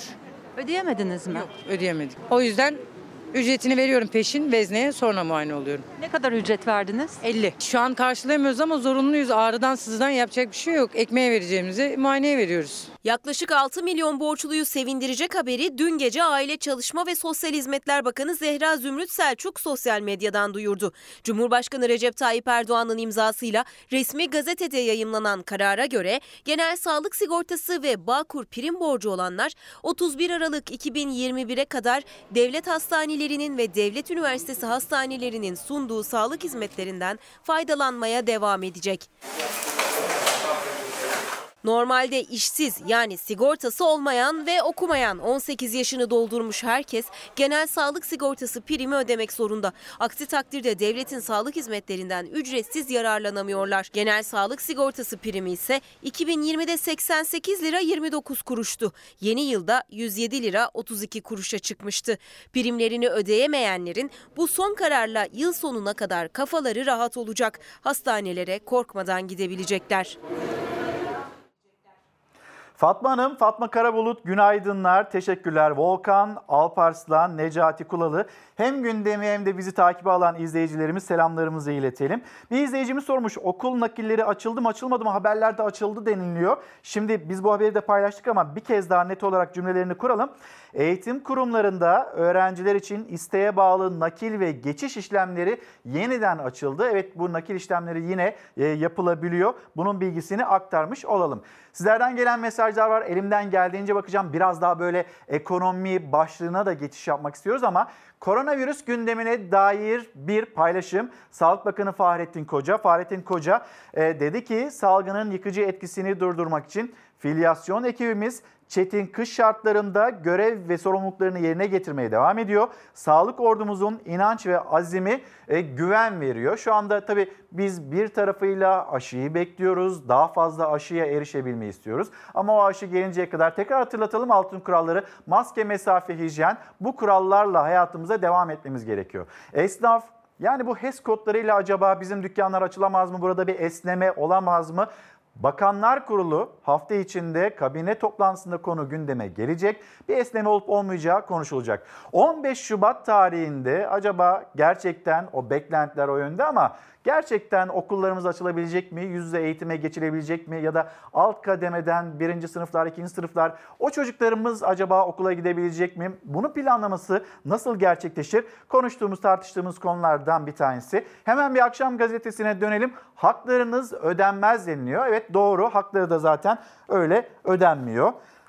Eksi 15'te filyasyon Vakaların %80 düştüğü Tunceli'de filyasyon ekipleri aralıksız çalışıyor. Ekipler hem virüsle hem de eksi 15 dereceyi bulan soğuk ve karla mücadele ediyor. Ve yine eksi 15'te filyasyon haberinin üstünde hakkınız ödenmez. Şimdi hakları ödenmiyor, özlük hakları beklentisi var, ek ödeme beklentisi var.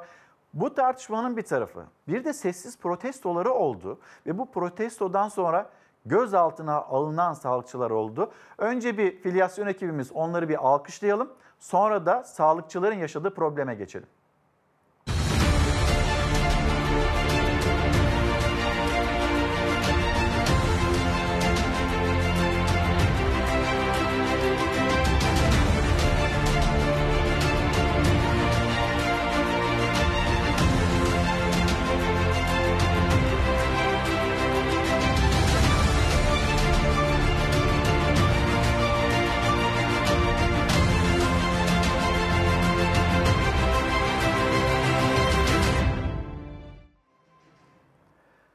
Sizleri tebrik ediyoruz. İyi ki varsınız. Biz alkışlamaya devam ediyoruz. Bir yandan da özlük hakları, bu beklentiler var. Onları da hatırlatmaya devam edeceğiz. Bir gün gazetesinden bir haber aktaralım.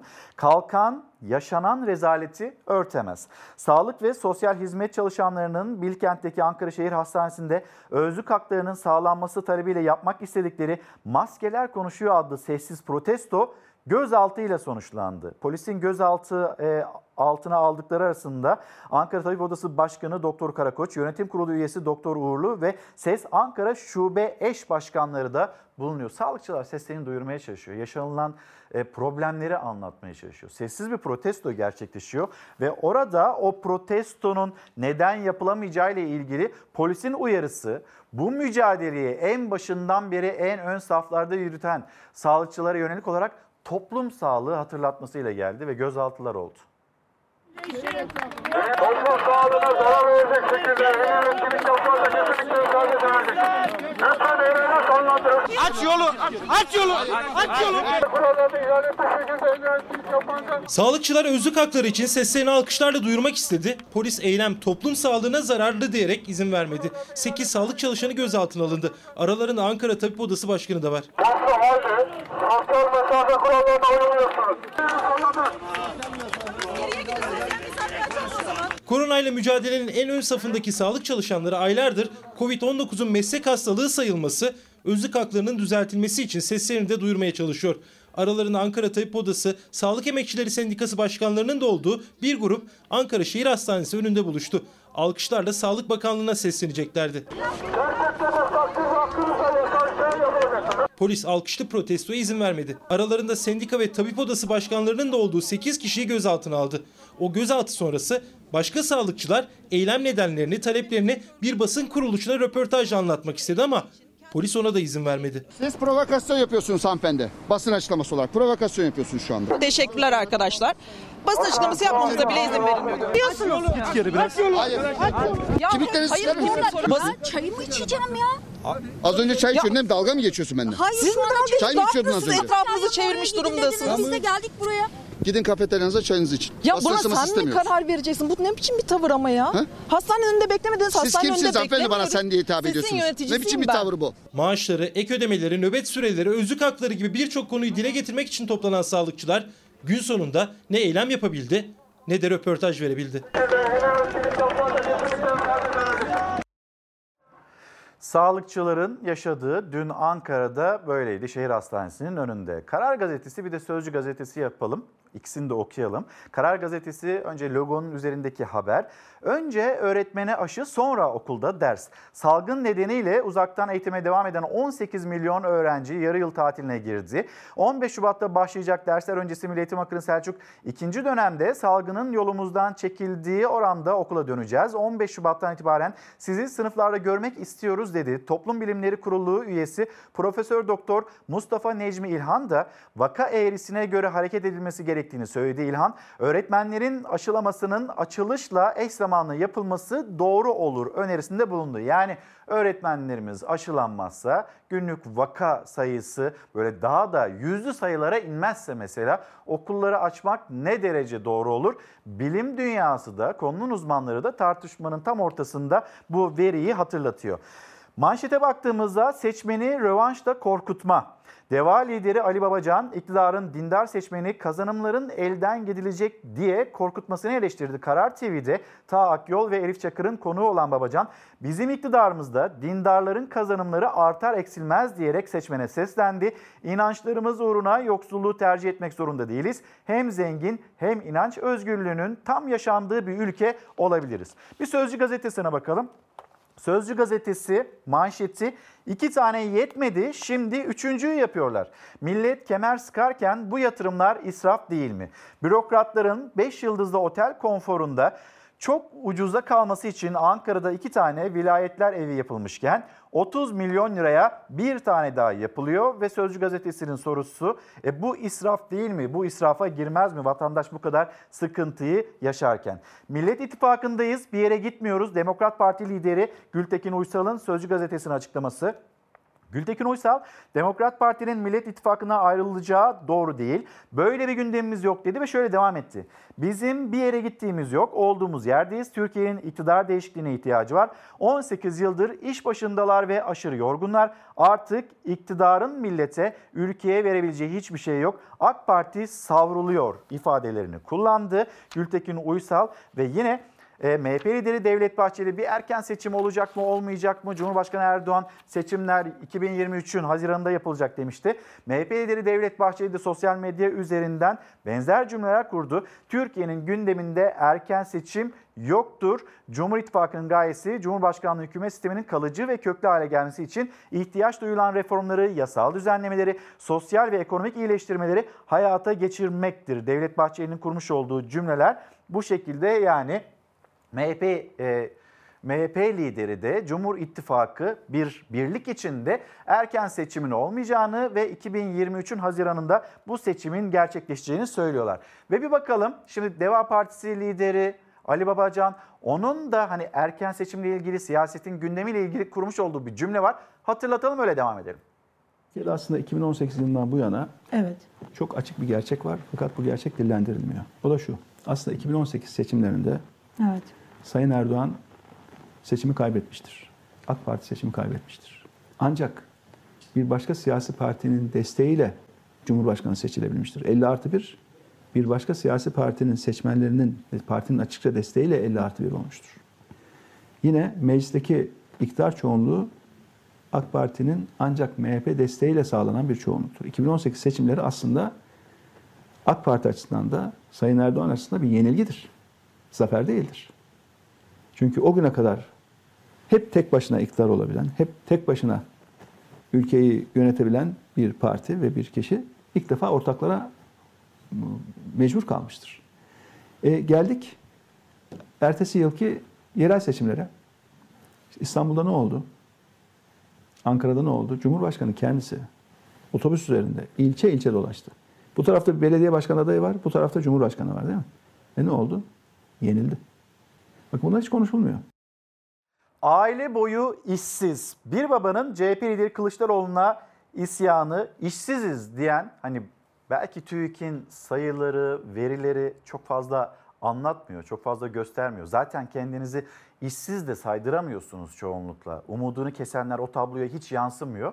Ama bir baba ve bir siyasetçiyle karşılaştığında kurmuş olduğu ifade aile boyu işsiziz. Kırşehir'de bir baba ziyaret için kente gelen Kemal Kılıçdaroğlu ile karşılaştı. İşsiz baba çocuklarıma üniversiteyi okuttum atanamıyorlar. İşsizim EYT'ye takıldım diye dert yandı. Emeklilikte yaşa takılanlarla ilgili e, İyi Parti lideri Meral Akşener'in de bir açıklaması, değerlendirmesi var. Onu da hatırlatalım. Haklı mücadelelerini eziyete dönüştürdüğünüz, yıllarca primlerini ödeyerek devletine karşı sorumluluğunu yerine getirmelerine rağmen kazanılmış haklarından mahrum bıraktığınız EYT'lilerin mağduriyetine biz son vereceğiz. Millet seçimde hatırlatacak diyor Meral Akşener. Bir erken seçim beklentisi var muhalefette ama Cumhur İttifakı'na bakıldığında hayır seçimler zamanında yapılacak deniliyor. Ekonomi başlığına bir geçiş yapalım. İşte sokakta vatandaş muhalefeti gördüğünde bu taleplerini iletiyor. İşsiziz diyor, iş istiyor. Emeklilikte yaşa takılanlar var. Bizim haklarımız elimizden alındı. Bizim meselemiz ne olacak diyor. Sizlerden çok sayıda mesaj geliyor ve bugünkü başlığımızı bir kez daha hatırlatmış olayım. Yapılacak şey. Şimdi birazdan o haberi de ekranlarınıza taşıyacağız ama ekmek kuyruğunda bir anne eşim işsiz, oğlum işsiz yapılacak hiçbir şey yok diyor. Ve biz de bugün sizlerden gelen mesajlar doğrultusunda da yapılacak olan ne? Onu hep birlikte anlamaya çalışıyoruz. Burada muhalefet hangi cümleleri kuruyor? Sokağa çıktığında nasıl bir durumla tabloyla karşı karşıya ve yine Cumhur İttifakı, ülkeyi yönetenler, onların kurmuş olduğu cümleler ve mesela oluşan kuyruklar, uzayıp giden kuyruklar. Bu kuyruklarla ilgili açıklamaları. Ya millet aç, millet sefil. Açım diyor ya, açım, aç. Açım diyor. Nerede söylüyor? 21. yüzyılın Türkiye'sinde söylüyor. CHP cenahı aynı yüzsüzlüğü sokaklarda rastgele çekilen fotoğraf kareleri üzerinden milletimizi karamsarlığa sürüklemeye çalışarak da sergiliyor. Tabi saraydan baktığınızda bu fotoğraflar size gerçek gibi gelmeyebilir. Biliniz ki bu yürek sızlatan görüntüler yönetemediğiniz ülkenin herhangi bir sokağında rast gelebileceğiniz fotoğraflardır. Muhalefetin akşam pazarından yiyecek toplayanları eksi 4 derecede ucuz elma, halk ekmek büfelerinde 1 liralık ekmek kuyruklarını göstererek ortaya koyduğu yoksulluk tablosuna Cumhurbaşkanı Erdoğan rastgele çekilen kareler dedi. CHP hem sözlü hem de kliple yanıt verdi. Rastgele başlıklı kliple. Belki birkaç gün sonra işletme iş yapmaz ise dükkanı komple kapatacağız. Evimize ekmek alma para bile bulamıyoruz şu anda. Zor durumdayız. Vatandaşın bir ekmek parasına muhtaç hale düşmesi. Asıl sorun o. Bir esnaf dedi ki eve ekmek götüremiyoruz dedi. O da abartma falan dedi. Ekmeğe birkaç kuruş ucuz alayım diye niye insanlar kuyruğa girsin? Demek ki o kaygı var mı memlekette? İstanbul'da yarı fiyatına 1 liraya ekmek için halk ekmek kuyruğunda bekleyen vatandaş. Kayseri'de ucuz elma kuyruğu.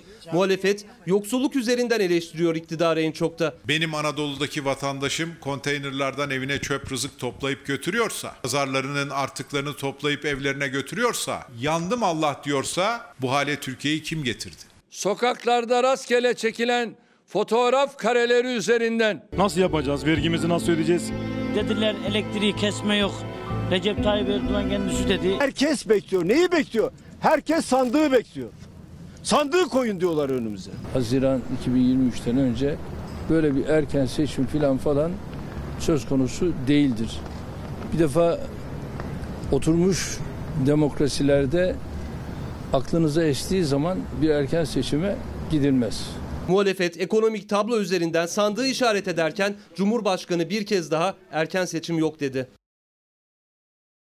Kayseri'deki elma kuyruğuna başka bir pencereden bakacağız ama bir ödülümüz var. Onu da sizlerle paylaşmak istiyorum. Çalar Saat hafta sonu adına, ekibi adına, e, Fox Haber Merkezi ekibi adına ve sizlerin adına aslında aldığımız bir ödül. E, Ziraat Mühendisleri Odası, TUMOP Ziraat Mühendisleri Odası, Türkiye'de tarım öğreniminin 175. yıl dönümünde düzenlenen Tarım Haftası etkinliklerinde tarım sektörü ve ziraat mühendisliği mesleğine yapmış olduğunuz katkılardan dolayı 2020 yılı basın ödülüne e, sizleri layık bulduk demişler. Ödülü ben aldım. Baki Remzi Su içmez. E, Sayın Başkan'a da teşekkürlerimizi iletelim. Hem sizin adınıza aldım hem de Fox Haber adına ve bizim ekibimiz adına aldım. Şimdi tarım meselesine bir geçelim, üretim meselesine geçelim. Bu kuyrukla ilgili olarak da aslında biz hani bu kuyruklar rastgele mi oluşuyor, nasıl oluşuyor? Bunu birlikte bir konuşalım. Sizce de rastgele mi e, çekilmiş bir fotoğraftı o? Milliyet Gazetesi Milliyet Gazetesi'nin manşeti gıda fiyatları işte bu yüzden yükseliyor. Aracının cumhuriyeti. Lezzetiyle tercih edilen yerli muzun tadını tekel iddiaları kaçırdı. Anamur'da muz toplayıcıları WhatsApp gruplarında ortak fiyat belirlemekle suçlanıyor. Mersin Anamur'da bazı toptancıların günlük fiyat belirlediklerine yönelik iddialar rekabet kurumunun radarında devletin muz serası yatırımlarını desteklemesine, üretimin son 3 yılda ikiye katlanmasına karşın perakende fiyatların neden bu çabalara paralel bir seyir izlemediğine yönelik sorularda bu iddialar ışığında yanıt buluyor gibi İddia konusu teşebbüsler WhatsApp gruplarında alış ve satış fiyatlarını ortak belirliyor. Milliyetin görüştüğü üreticiler bugün şu fiyattan alalım diye iletişim kuruyorlar dedi. Bu yöntem yüzünden arz talep dengesiyle oluşan fiyatlar bozuluyor. Üreticiler piyasanın dışında belirlenen fiyatlara satış yapmak zorunda kalıyor. Peki çok güzel bir tespit de hani üretici nasıl korunacak? Çiftçi nasıl korunacak? Çiftçi alıyor, üretiyor, alın teri var. Ama işte tarladan tezgaha gelinceye kadar o fiyatlar katlanıyor. Biz fiyatlarla mı mücadele edeceğiz yoksa üretimimizi mi planlayacağız? Bunu konuşmamız gerekiyor. Yapılacak olan şey burada hani fiyatlarla ithalat e, baskısı altında da bırakıp çiftçiyi mücadele etmek değil. Bir üretim planlaması, milli bir tarımdan söz ediyorsak çiftçinin daha böyle toprağa tohuma atmadan alacağı teşviki bilmesi, hangi ürünü ekeceği, ne kadar alanlık bir alanda e, yetiştiricilik yapacağı hayvansal anlamda ya da ne kadarlık bir alanda patates üreteceği, soğan üreteceği. Biz bunu biliyor muyuz? Öyle olmuyor. Geçen sene ne para ettiyse bu sene onu ekiyoruz. Bu sene daha fazla o ürün çıktığı için fiyatı yine maliyetlerin altında kalıyor. Yani çiftçi hiçbir şekilde kazanamıyor. Bunu dengelememiz gerekiyor. Bir de şu Kayseri'deki elma kuyruğuna farklı bir pencereden bakalım istedik. Yani yapın böyle. Abi Sadece yokluk, yoksulluk kuyruğu değil bu aslında. Üretim plansızlığının bir neticesi. Maliyet baskısıyla borçtan borca savrulan, alın terinin karşılığını alamayan, toprağa küsen üreticinin, hayat pahalılığı karşısında geçim derdine düşen tüketicinin senelerdir çözüm bekleyen meselesi. Yani bir ayna. Elma da sadece bir örnek. Markette 5 lira 6 lira olan buradaki 3 lira. Marketin hemen hemen yarı fiyatı. Yarı fiyatına Türkiye, Çin ve Amerika'dan sonra elma üretiminde yaklaşık 4 milyon tonla dünya üçüncüsü ve ihracat yapabilecek potansiyelde Isparta, Karaman, Niğde, Amasya, Antalya, Kayseri, Konya ve Çanakkale yaklaşık 2 milyon dekarlık alanda elma üretiyor Türkiye ama kendi kendine yetmekten öteye geçebilecekken Arjantin'den, Latin Amerika'dan ithal ediyor. Sorun pek çok ürün için aynı. Sonuçsa ithalatla biten bir kısır döngü. Mazot, gübre, ilaç, tohum gün gün daha da ağırlaşan maliyet altında üretim yapan çiftçi kazanamıyor. Ürün tarladan tezgaha uğurlandığında katlanan fiyatlarda tüketicinin bütçesini zorluyor. Çoğu zaman fazlasına ihtiyacımız olduğu için değil fiyatları düşürmek için akla gelen tek formülde ithalat. Markette 5-6 lira olan elma üreticinin elinden halkla buluşunca sonuç ortada. Fiyat yarı yarıya. Geçim için, tasarruf için bu alışverişten arttırdığıyla bir başka açığını kapatabilmek için de tüketici eksi 4 derecede karlı soğuklarda kuyrukta.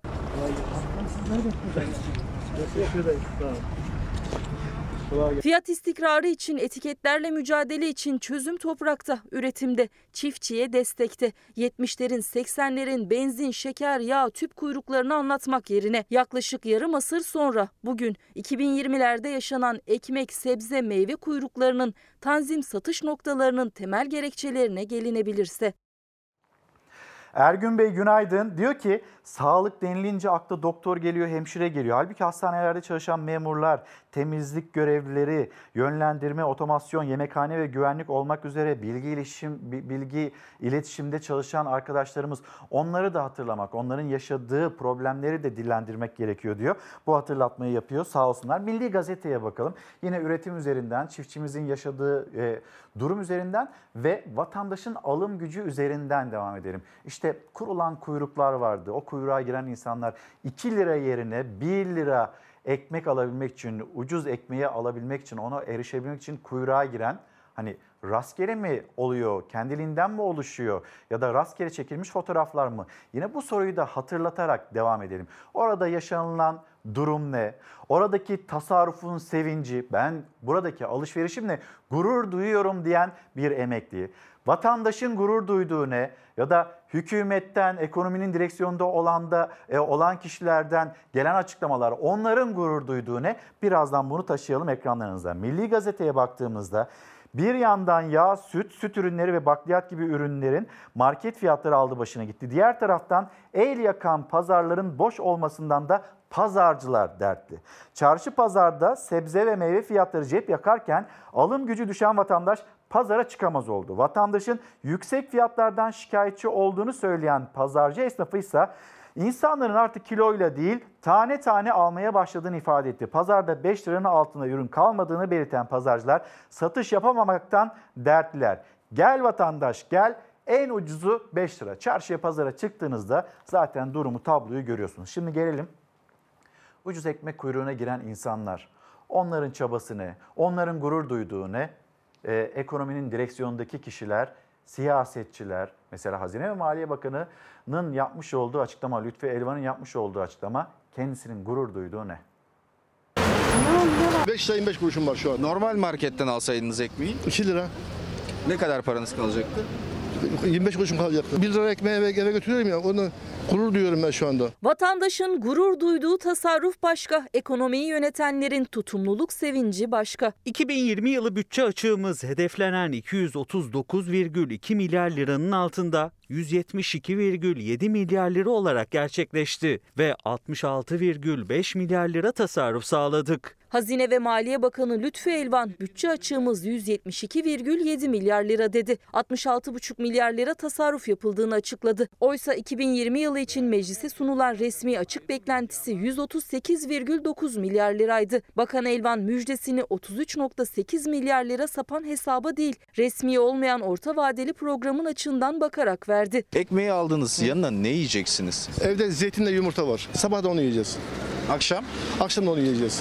Yok can boğazdan gelir ama para yok. Karnımız doysun yeter diyor. İstanbul'da yaşayan emekli, asgari ücretli, dar gelirli ise yokluğun açığını nasıl kapattığına, bir ekmekten 1 lirayı nasıl arttırdığına bakıyor. 1 lira 1 liradır. Şu an 1 lira 1 liradır yani. Eylül ayında 20 milyon 754 bin 775 adet ekmek üretti İstanbul Halk Ekmek Fabrikası. Ekim'de yaklaşık 25 milyon, Kasım ayında 28 milyon. Ayda toplam kaç ekmek tüketiliyordur evde? 90 civar 5 kişiyiz. 90-100 arası. Ayda yani nereden baksanız iki katı falan fark eder. 100 lira tutuyorsa şu an o zaman da 200 lira tutar. En az 5 litre yağ alınır o paraya. O işte peynir alınabilir. Evin diğer ihtiyaçları için kullanılabilir. Normal ekmeğe göre yarı yarıya fark ediyor. 150 liraya sebzeni meyveni alırsın. Aralık ayında son 5 yılın en yüksek üretim ve tüketim sayısı görüldü. 31 milyon 804 bin 167 adetle. Yani İstanbul'da geçim için 1 liralık ekmeğin kuyruğuna girenler sadece bir ayda 30 milyondan fazla. Son 4 aydaysa neredeyse 100 milyon lira tasarruf kaydetti. Ya faturasını ödedi ya akşam pazarında bir başka alışverişini yapabildi. Evinin bütçe açığını böyle kapattı ve dedi ki 1 lira ekmeği eve, götürüyorum ya onu gurur duyuyorum ben şu anda. Tekrar hatırlatalım. Eylül ayında 20 milyon 754 bin 775 üretim. Ekim ayında 24 milyon 945 bin 406. Kasım ayında 27 milyon 907 bin 236. Aralık ayında 31 milyon 804 bin 167. Yani Eylül 2020 ile Aralık 2020 arasında normal ekmek satışları ucuz ekmekten söz ediyoruz. %53'lük bir artış var ve burada bir kuyruk var. 1 lira 1 liradır diyor işte vatandaş. Vatandaş o kuyruğa giriyor, 1 liraya arttırıyor, aylık olarak hesaplıyor. Elektrik faturasını ödüyor, doğalgaz faturasını ödüyor. Belki yapabiliyorsa çarşıya pazara çıktığında bir alışverişini gerçekleştirebiliyor. Ve vatandaş ben bununla gurur duyuyorum diyor. Ben bu kuyruktayım ve buradaki tasarrufumla gurur duyuyorum diyor. Ama işte bakıyorsunuz başka başka rakamlar, rakamlarla işte ekonomide her şeyin iyiye gittiğine e, dönük olarak verilen mesajlar vatandaş oraya değil kendi cebine bakıyor, bütçesine bakıyor, mutfağına bakıyor. Tencerenin kaynayıp kaynayamadığına bakıyor. Bir de memurlar cephesine bakalım. Alım gücü düştü. Seyyanen zam istiyor memur sen. Memur sen Genel Başkan Ali Yalçın memurlara seyyanen zam yapılması çağrısını yineleyerek bu iyileştirmenin Ağustos ayında yapılacak toplu sözleşmeden önce yapılması gerektiğini söyledi. Yalçın son toplu sözleşmeden bu yana döviz kuru ve gıda fiyatlarındaki artışlara dikkat çekerek memurların alım gücünün düştüğünü ifade etti ve memurlar şimdi de onlar anlatıyorlar kendi durumlarını ve nasıl geçindiklerini. Etiketlere bakın 8-9'dan aşağı hiçbir şey yok. TÜİK'e göre Aralık ayının enflasyonu %1.25. Akademisyenlerin oluşturduğu enflasyon araştırma grubuna göre ise %4.08. Birleşik Kamu İş'te halkın enflasyonu araştırması yaptı. Açlık sınırı 3267 liraya çıktı dedi. Gıdada %3.6 oranında arttı. Böylece kamu çalışanlarına verilen zammın yarısı ilk ayda gitmiş oldu. Asker ücretliyim. Bu seneye kadar böyle değildi. Gerçekten değildi yani ama bu sene her şey uçtu. Düşünün bir yumurta bile bugün kaç para olmuş? Her şeyden kısıyoruz. İnanın her şeyden kısıyoruz. Çünkü çocuk okutuyorum. Ya her şey zor yani. En yoksul kesim aile bütçesinin en az üçte birini gıdaya ayırıyor. Gıda fiyatları ise arttıkça artıyor. Birleşik Kamu İş'in Ankara'da halkın en çok tükettiği 77 kalem ürünle yaptığı araştırmaya göre Ocak'ta gıda fiyatları bir önceki aya göre %3.6 oranında arttı. Son bir yıllık artış ise %28.6. 2020'nin 12 aylık ortalama artışı ise %29,9 oranında oldu. Yani kamu çalışanlarına gelen zamın yarısı ayın 23'üne kadar çoktan erimiş oldu. Verilen bilgilerde mutlaka ya bir eksiklik oluyor ya bir e, üstü kapatılarak anlatılıyor. Kesinlikle daha fazla. Gıda fiyatlarında yaşanan bu artış 4 kişilik bir ailenin dengeli ve sağlıklı beslenebilmesi için hesaplanan açlık sınırını da yükseltti. 3267 lira oldu. Açlık sınırında Ocak ayında bir önceki aya göre 121 liralık, son bir yıldaysa 503 liralık artış oldu. Geçinemiyorum ben. Geçinemiyorum. Destek olsunlar. Şu en azından fiyatları biraz aşağı çeksinler. Vatandaş alamıyor. Alım gücü yok. Çocuğum dün meyve istedi. Bir kilo portakal alabildim. O da 12 lira kilosu. İkinciyi alamıyorum. Fatih Şimşek, Orhan Kaplan günaydın aramıza hoş geldiniz. Murat Öztürk lütfen dikkatle takip edin. Diyor ki 70 gündür kapalı olan restoranlar açılsın. Bu size son yazışım. Pazartesi günü telefonumu satıp faturamı yatıracağım. Şimdi bir mola verelim. Döndüğümüzde esnafın nasıl bir durum içinde olduğunu konuşalım reklamlardan sonra. Efendim Çalar Saat hafta sonunda devam ediyoruz. Bize günaydın diyen izleyicilerimiz var. Beyhan Gün, Beyhan Anne'ye günaydınlar. Mehmet amcama da selamlarımı ileteyim. Ayan Dönmez sağ olun çok teşekkür ederiz. Sen de bizim evimizin bir evladı oldun. Sabah erkenden kalkıyoruz. Çalar Saat hafta sonunda gündemi takip ediyoruz demişsiniz. Teşekkür ederiz ve bizi takip etmeye de devam edin. Bir izleyicimiz lütfen bunu önemseyin. Üzerine basa basa da söyleyin. 18 Mart 1943 doğumluyum. Toplu taşıma yasağı var. Yeter artık diyor. Yani hani HES kodu dediniz, HES kodunu aldık. Ben üzerime düşen bütün sorumluluğu yerine getiriyorum. Ama bizler ne olacağız diyor. 65 yaş üstü kendisini hatırlatıyor. Bir yandan aşıyı bekliyoruz. E, beklentimiz o yönde. Öyle gözüküyor. Yani yapılan açıklamalar bu şekilde tırnak içinde söylüyorum. Yarın sabah saatlerinde 10 milyon doz Çin aşısının da Türkiye'ye gelmesi bekleniyor. Beklentiyi bir kez daha hatırlatalım. Paylaşacağımız çok haber var. Sizlerden gelecek olan mesajlar var. Biliyoruz gelen mesajlar var. Onları da aktaracağız. Hatta burada bir izleyicimiz e, Doktor Aysel Yavuz diyor ki şunu hatırlatıyor. Yapılacak şey başlığı altında. Dolar yükselince hızla artan fiyatların dolar düşünce niye inmediğini sık sık yetkililere hatırlatır mısınız diyor. Şimdi bir memleket havasına bakalım. Memleketten ve dünyadan haberler var. Onları da ekranlarınıza taşıyacağız. Önce bir hava durumu diyelim öyle ilerleyelim. 3 kişi daha geliyor. Kar Doğu Anadolu'da esaretin adı oldu. Evleri yutan kar insan boyunu aştı. Hastalara ulaşmakta, evden çıkabilmekte yoğun çaba gerektirdi. Gündüz eksi 19, gece eksi 32 ile en soğuk il Ağrı, Ardahan eksi 25 derece. Bayburt, Bitlis, Siirt, Hakkari, Van, Bingöl, Şırnak yoğun kar ve soğukla mücadele ediyor. Arabalarımızın camları tutmaya başladı. Buzlarda falan gazlayıp işe gitmeye çalışıyoruz.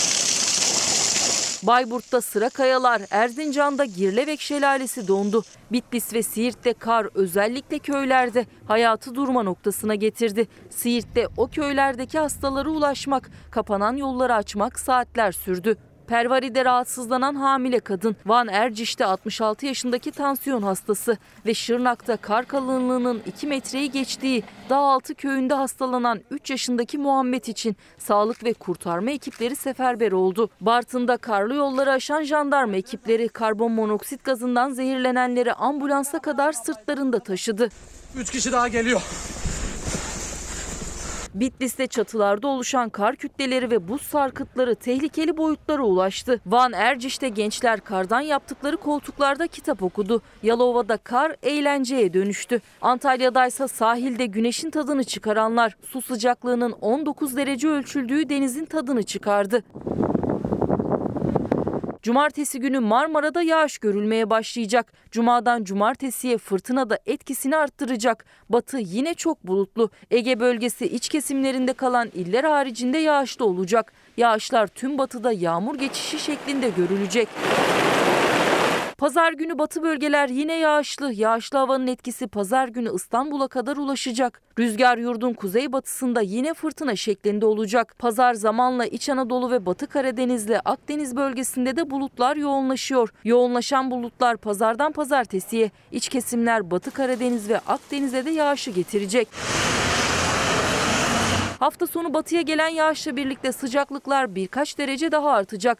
Cumartesi pazar iç ve doğu kesimlerdeki buzlanma devam edecek. Doğuda ise çığ riski ve yüksek yerlerden kar erimelerine bağlı kütle halinde kar düşmeleri yaşanabilir. Oluşabilecek kazalara karşı tedbirli olmakta fayda var.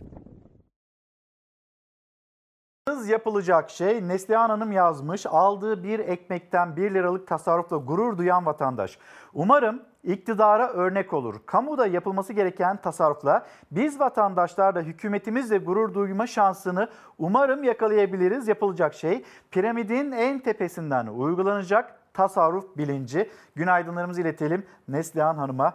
Derya Bey, Derya Şeker Tarsus'tan yazıyor. Emre Bey de genel sağlık sigortası ile ilgili prim borçlarını hatırlatıyor. Bu borçlar iptal edilsin, silinsin diyor. Şimdi bu hani tamamen silinmedi ama bu konuyla ilgili yeni bir açıklama var. Çalışma Bakanı'ndan yapılmış olan bir açıklama ve bu yılın sonuna kadar genel sağlık sigortası prim borcunu ödeyemeyen hastanelerden tedavi imkanına sahip olamayanlarla ilgili burada bir esneklik sağlandı yıl sonuna kadar. Gelelim koronavirüs gündemine geçeceğiz. Türkiye'den bahsettik, dünyadan bahsetmemiz gerekiyor.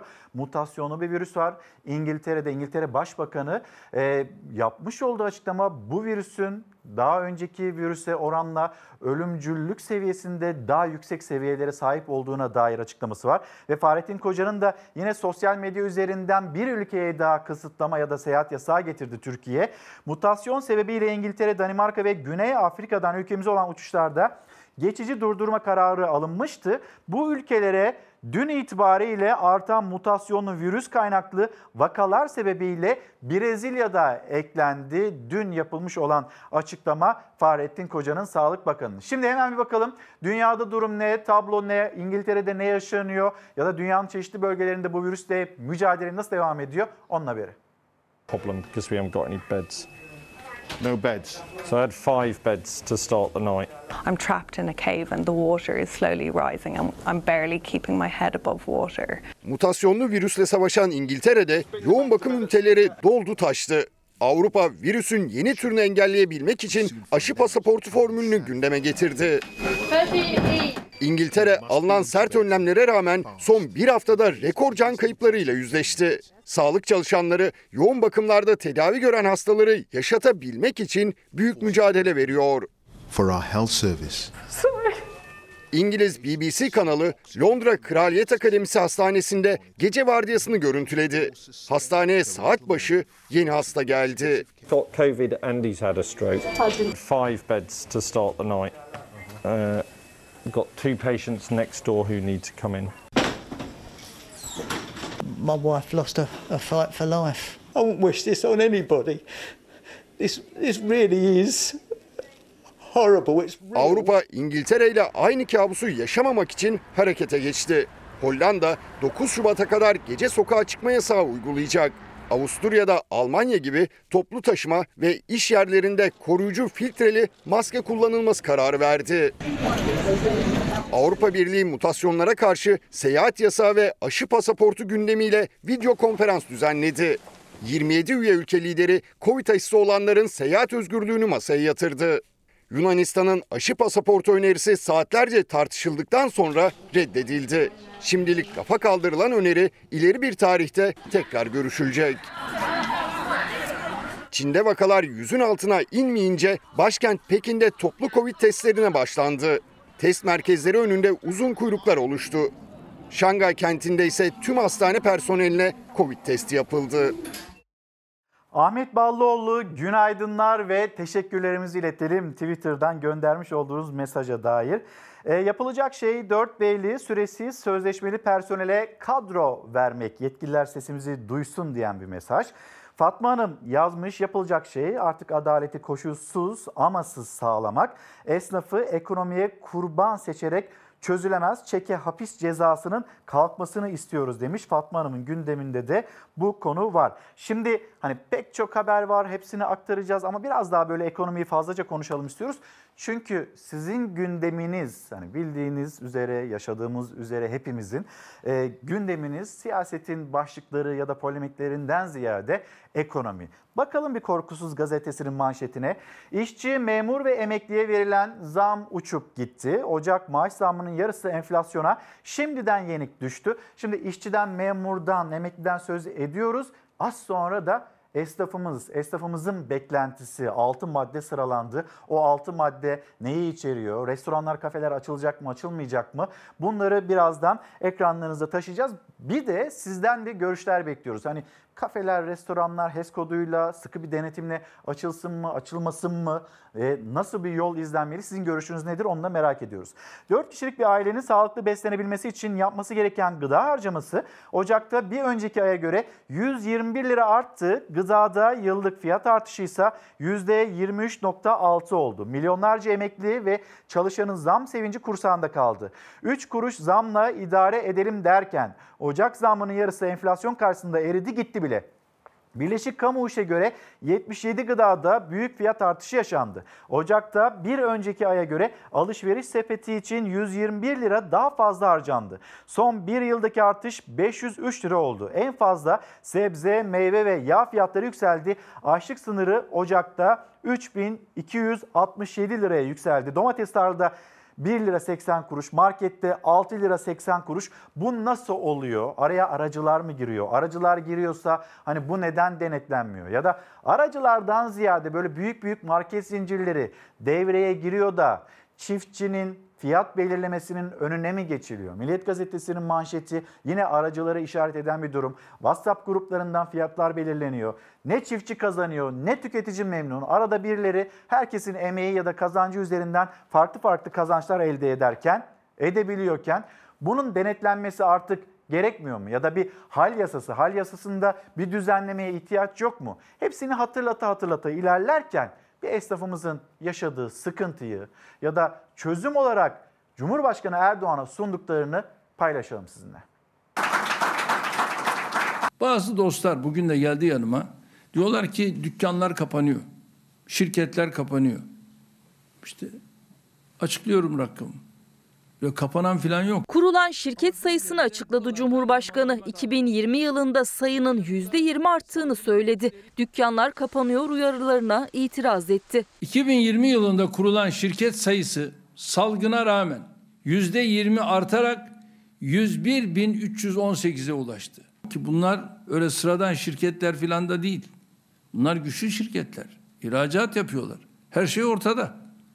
Ama birileri de buralardan nemalanmak istiyorlar. Türkiye Esnaf Sanatkarlar Konfederasyonu'nun elindeki rakamlarda benzer. 2020 yılında 365.533 yeni esnaf kayda geçti. 80 bin esnaf meslek değiştirdi. Kepenk indirenler, dükkanını kapatanların sayısı ise 80.166. Yani açılan iş yeri kapatandan fazla kağıt üstünde.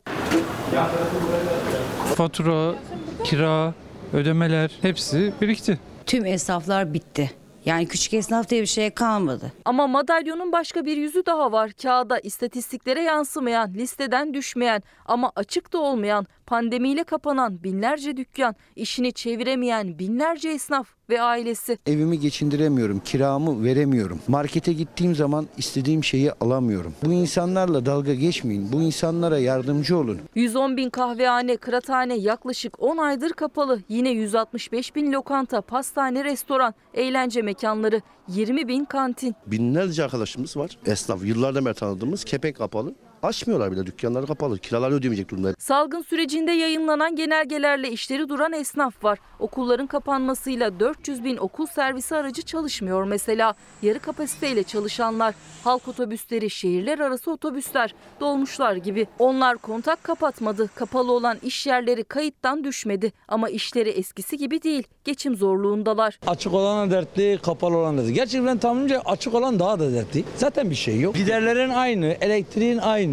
Mecbur dayanabildiğimiz kadar dayanacağız. Esnaf her türlü zararda yani. Cumhurbaşkanı Erdoğan TESK Başkanı ile görüştü dün. Bendevi falan döken 415 meslek dalı ve yaşanılan sorunları anlattı. Altı başlıkta da hükümete talepler sıraladı. Kredi borçlarını ödeyemeyen esnaf için en az bir yıl ödemesiz, faizsiz kredi desteği istedi.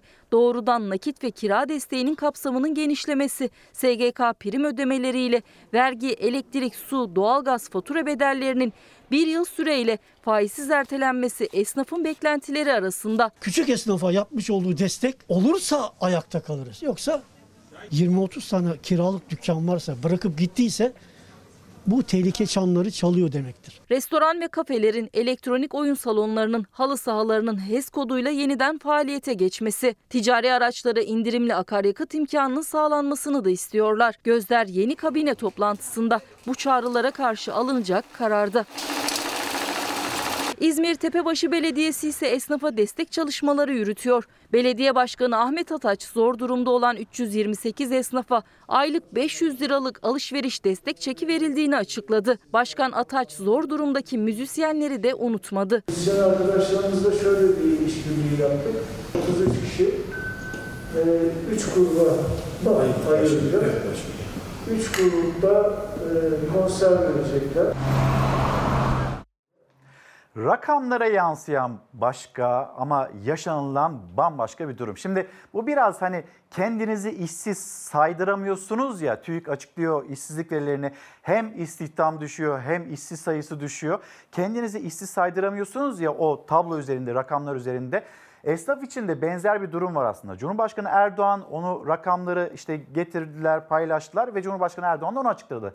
Yani Rakamlara baktığımızda evet açılan iş yeri kapanandan çok daha fazla hatta 5 katı fazla. Yalnız burada dikkatlerden kaçmaması gereken bir başka nokta daha var. Haberde aktardık bir kez daha altını çizelim. Şimdi 365.533 yeni esnaf var ve 80.166 esnaf onlar işini bıraktı. Kepenk indirdi. Artık ben yapamıyorum, dayanamıyorum dedi. Böyle bir tablo var. Fakat 110 bin kahvehane, onlar kapalı. Kıraathaneler, kahvehaneler. 165 bin lokanta, pastane, restoran. Onlar kapalı. 10 aydır iş yapmıyorlar. Yani o müessesenin sahibi, onun yanında çalışanlar, onların yaşadığı problemi hatırlatmak gerekiyor. Belki tabloda gözükmüyorlar ama dükkanları 10 aydır çalışmıyor. Yine 400 bin okul servis aracı, onlar çalışmıyor.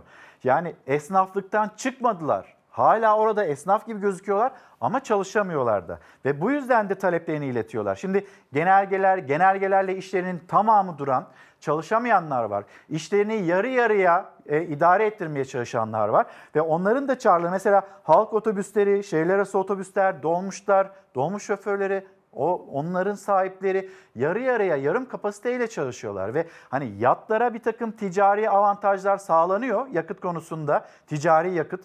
Bize neden sağlanmıyor? Yine talepleri arasındaydı hatırlatmış olalım. Doğru rakamlara verilere baktığınızda e doğru hani daha fazla dükkan açılmış ama işte bu e, kapalı olan iş yerlerini de dahil ettiğinizde önünüze bambaşka bir süreç, bambaşka bir tablo çıkıyor. Bizlere günaydın diyen izleyicilerimiz Hacer Yıldırım. Günaydınlar, teşekkürler, selamlarımızı iletelim. Sinan Sözmer'e de aynı şekilde. Yapılacak şey çok ama halkın serzenişlerini ne yazık ki duyan yok denilmekte. Mustafa Bey, Mustafa Polat selamlarımızı iletelim. Aramıza hoş geldiniz gündem takibinde. Belma Hanım, Belma Özsaraç, Fettah, e, Ayşegül Fettahoğulları yine günaydınlarımızı iletelim. Umut Bey diyor ki her şeye zam gelirken nasıl oluyor da ekonomi iyi gidiyor diyorlar. Biz nefes alamıyoruz. Gelen mesajlardan bir tanesi de böyleydi. Şimdi bir de bakalım hani faturaları da konuşalım. Faturalar yüksek mi geliyor, uygun mu geliyor, rahatça ödeyebiliyor muyuz, ödeyemiyor muyuz? Emekliyim. Ne kadar emekli maaşınız? 2200. Her ay ne kadar faturaları ödüyorsunuz? Doğalgazım, internetim, elektriğim, suyum hepsi bir 600'ü buluyor. Nevin Bozer gibi birçok emekli ve asgari ücretli aynı durumda. Maaşlarının önemli bir kısmı sadece faturalara gidiyor. Özellikle de kışın katlanıyor faturalar. Ödeyebilen şanslı, ödeyemeyenler borcu borçla kapatıp aynı kısır döngü içinde geçinmeye çalışıyor. Elektrik, su, doğalgaz baş edemiyoruz ki. Telefonlar, internet. 8-10 kalem fatura ödüyoruz. İki oğlum var yani. İkisinin cep telefonu var. Ben 6-6,5 aydır iş güç yok. Ağırlıklı doğalgazla elektriği veremedik. Yani. Kapanıyor. Bir şekilde borç harç buluyoruz. Tekrar açtırıyoruz. En, en düşük 300 lira doğalgaz gelir. 70-80 lira cep telefonu. Yani ortalama bir insanın. Nereden baksan bir evde 3 tane cep telefonu olsa 150 kağıt. İnternetsiz olmaz. 200'den interneti de verilen maaş faturaları ancak karşılıyor. Havaların soğumasıyla birlikte doğalgaz tüketimi arttı. Bu haliyle faturalara yansıyacak ama sadece doğalgazda değil elektrik, su ve uzaktan eğitimle daha da önem kazanan cep telefonu ve internet faturalarıyla birlikte ortalama fatura masrafı da 500 lirayla 700 lira arasında değişiyor. Ne kadar doğalgaz faturası geldi? 238 lira. Elektrik? 200 lira. Su? 54 lira geldi. İnternet 90 lira. Cep telefonu? 90 lira o da. Çift yorgan kullanıyoruz. Geceleri fazla yakmıyoruz. 150'den 200'den aşağı gelmiyor. Kışın 4 kişilik bir ailenin fatura masrafı 500 liranın altına inmiyor. Doğalgaz kadar internet ve cep telefonu faturaları da cep yakıyor son aylarda. Uzaktan eğitim nedeniyle tasarruf etme şansları da yok ailelerin. Çocuk şimdi uzaktan eğitim gördüğü için interneti ödemeye çalışıyoruz. 13 yaşında. Ona ait bir bilgisayar var, cep telefonu var, internet var. Bunlar olmadan hayat olmuyor. Zaten evden çalışıyor. Ne kadar internet geldi bu ay? 150 lira. Zorluyor. Aldaktan ev kiram yok. Özellikle emekliler ve asgari ücretliler fatura masraflarının katlanmasından dert yanıyor. 4 kişilik bir aileye bakan asgari ücretli maaşının dörtte birine yakınını fatura için ödemek zorunda kalıyor. Emeklilerse aileden destek alarak faturaları ödediklerini söylüyor. Yetmiyor maaşlar. Çocuk ödüyor benim faturalarımı. Biz de eşimle birlikte kıt kanaat geçiniyoruz abi. Benim çocuklar hadi okudular. Okuyup da iş bulamayan çocuklar var. Yani ülkemizin durumu gerçekten halktan yana bir sistem yok. İki hak arayışı var ve o iki hak arayışı da güzel sonuçlandı. Nihayet e, güzel bir haber de geldi. Önce Somalı madenciler. Toplamda 112 milyar tazminat aldım. Emeğe geçen herkese teşekkür ediyorum. 8 yıllık alın teri mücadelesi zaferle sonuçlandı. Somalı madencilere alacakları ödenmeye başlandı. 7 sene 5 aya e, 65 bin lira tazminatımı hak ettim. Emeği geçen herkesten Allah razı olsun. Manisa'nın Soma ilçesinde tazminat ve ücret alacakları için 8 yıldır direnen madenciler defalarca Ankara'ya yürümek istedi. Birçok kez kolluk kuvvetleri tarafından önleri kesildi. Sert müdahalelerle birçoğu gözaltına alındı.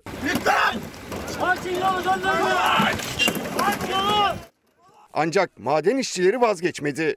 Geri adım atmadı. Sonunda hak ettikleri karar çıktı. Soma kömür işletmelerine bağlı Atabacası, Işıklar ve Geventepe maden ocaklarında görev yapmış 2395 kişiye 102 milyon lirayı bulan ödeme yapıldı. Tazminatını alan arkadaşlarımıza tazminatları helal hoş olsun. Eksik hesaplama ve itirazlarda bulunan 1305 madenciye ise en kısa sürede ödemelerin yapılacağı açıklandı. Yıllar sonra alın terlerinin karşılığını alan madenciler evlerine mutlu döndü. İstenildiğinde her şeyi başarılabileceğini anladık.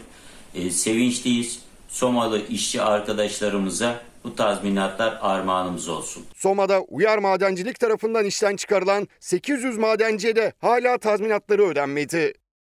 Şimdi de Buca'ya gideceğiz ama iki tane mesaj var onları okuyayım. Düzce'den bizlere bir izleyicimiz günaydın diyor. Bir rumuz kullanmış. Yapılacak şey başlığı altında hayat zorlaştı. Ne yapacağımızı şaşırdık. Vatandaştan gelen mesajlar. Ve yine Beste Hanım günaydınlar. Bir komşumuz var. Evi kira, çocukları işsiz. Bin liranın üzerinde su borçları var. Yakacak aldılar ısınabilmek için. Şimdi o yakacağın borcu da var. Ama sorsalar Türkiye'de yoksulluk yok deniliyor. Her şey iyiye gidiyor deniliyor. Aslında yoksulluk yok da denilmiyor. Aşırı yoksulluğu hallettik. Görecelisi var, nesneli var, özneli var. Bir sürü yoksulluk tanımı içinde. Bunları da söylüyorlar. Aşırı yoksulluğu hallettik. Diğerlerini de yavaş yavaş halledeceğiz. Her şey yolunda biraz da bununla iftihar etseniz olmaz mı açıklamaları geliyor. Ve aslında yaşanılan durumu komşusunun yaşadığı durumu da anlatıyor Beste Hanım. Şimdi bir de Buca'ya gidelim. Orada da bir hak arayışı vardı ama öyle çok da uzun sürmedi. Sürüncemede de kalmadı. 1300 işçi ve onların belirlenmiş olan asgari ücret.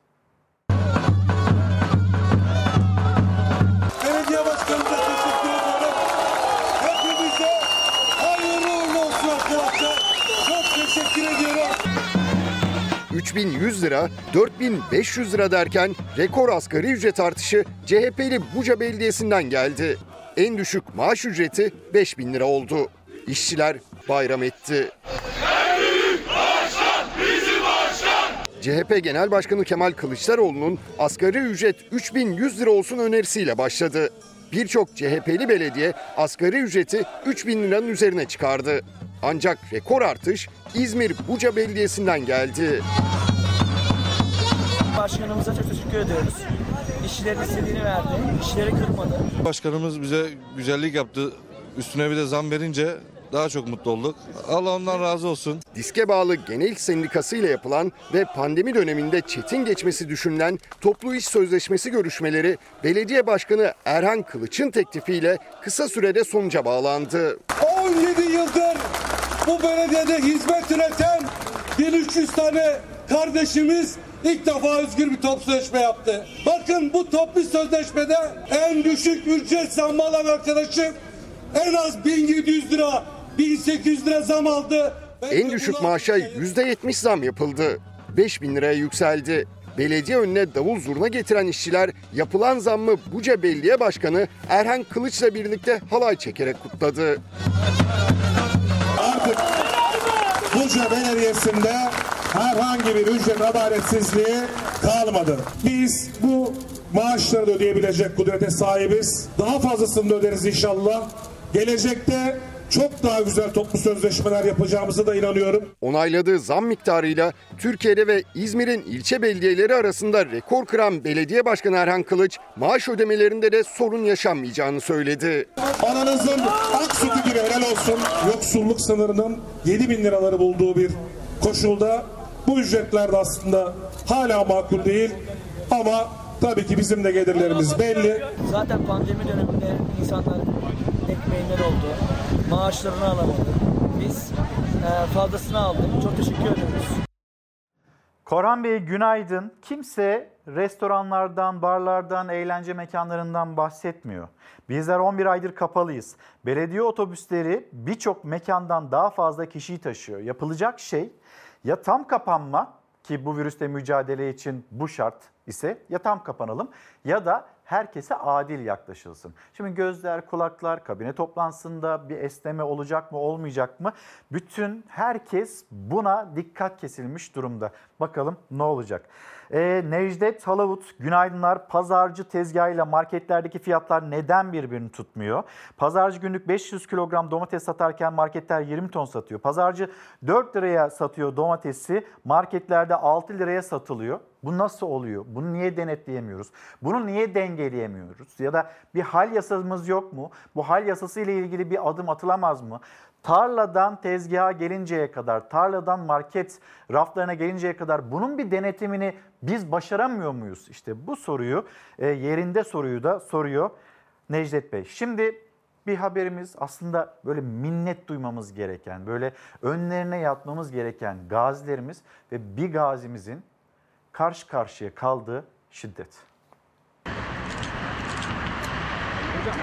Yerde bir, bir buçuk metre kadar sürüklendim ben. Gaziyim, engelliyim, e, ekiplerin gelmesini istiyorum dediğimde bana gaziliğine mi güveniyorsun, e, bana mı gazi oldun diyerek e, hakaret etti, tehditler savurdu. Hem darp edildi hem hakarete uğradı Gazi Gökhan Koç sokak ortasında. Asansörde yük taşımamaları için uyardığı baba ve oğlu tarafından darp edildi. Asansörün yapılma hani e, tadilatının uzun sürdüğünü, protez kullandığımı, üçüncü kattan aşağıya inip çıkamadığımı bu şekilde söylediğim halde tek asansörle yük indirip bindirdiler. 30 yaşında Gökhan Koç 5 yıl önce görev yaptığı Hakkari Dağlıca'da patlamada iki bacağının dizden aşağısını kaybetti. Gazi oldu. Hayatına protezlerle devam etmeye başladı. Antalya Kepez'de 3. katında yaşadığı binada asansör dışarıya çıkabilmesi için çok önemli onun için.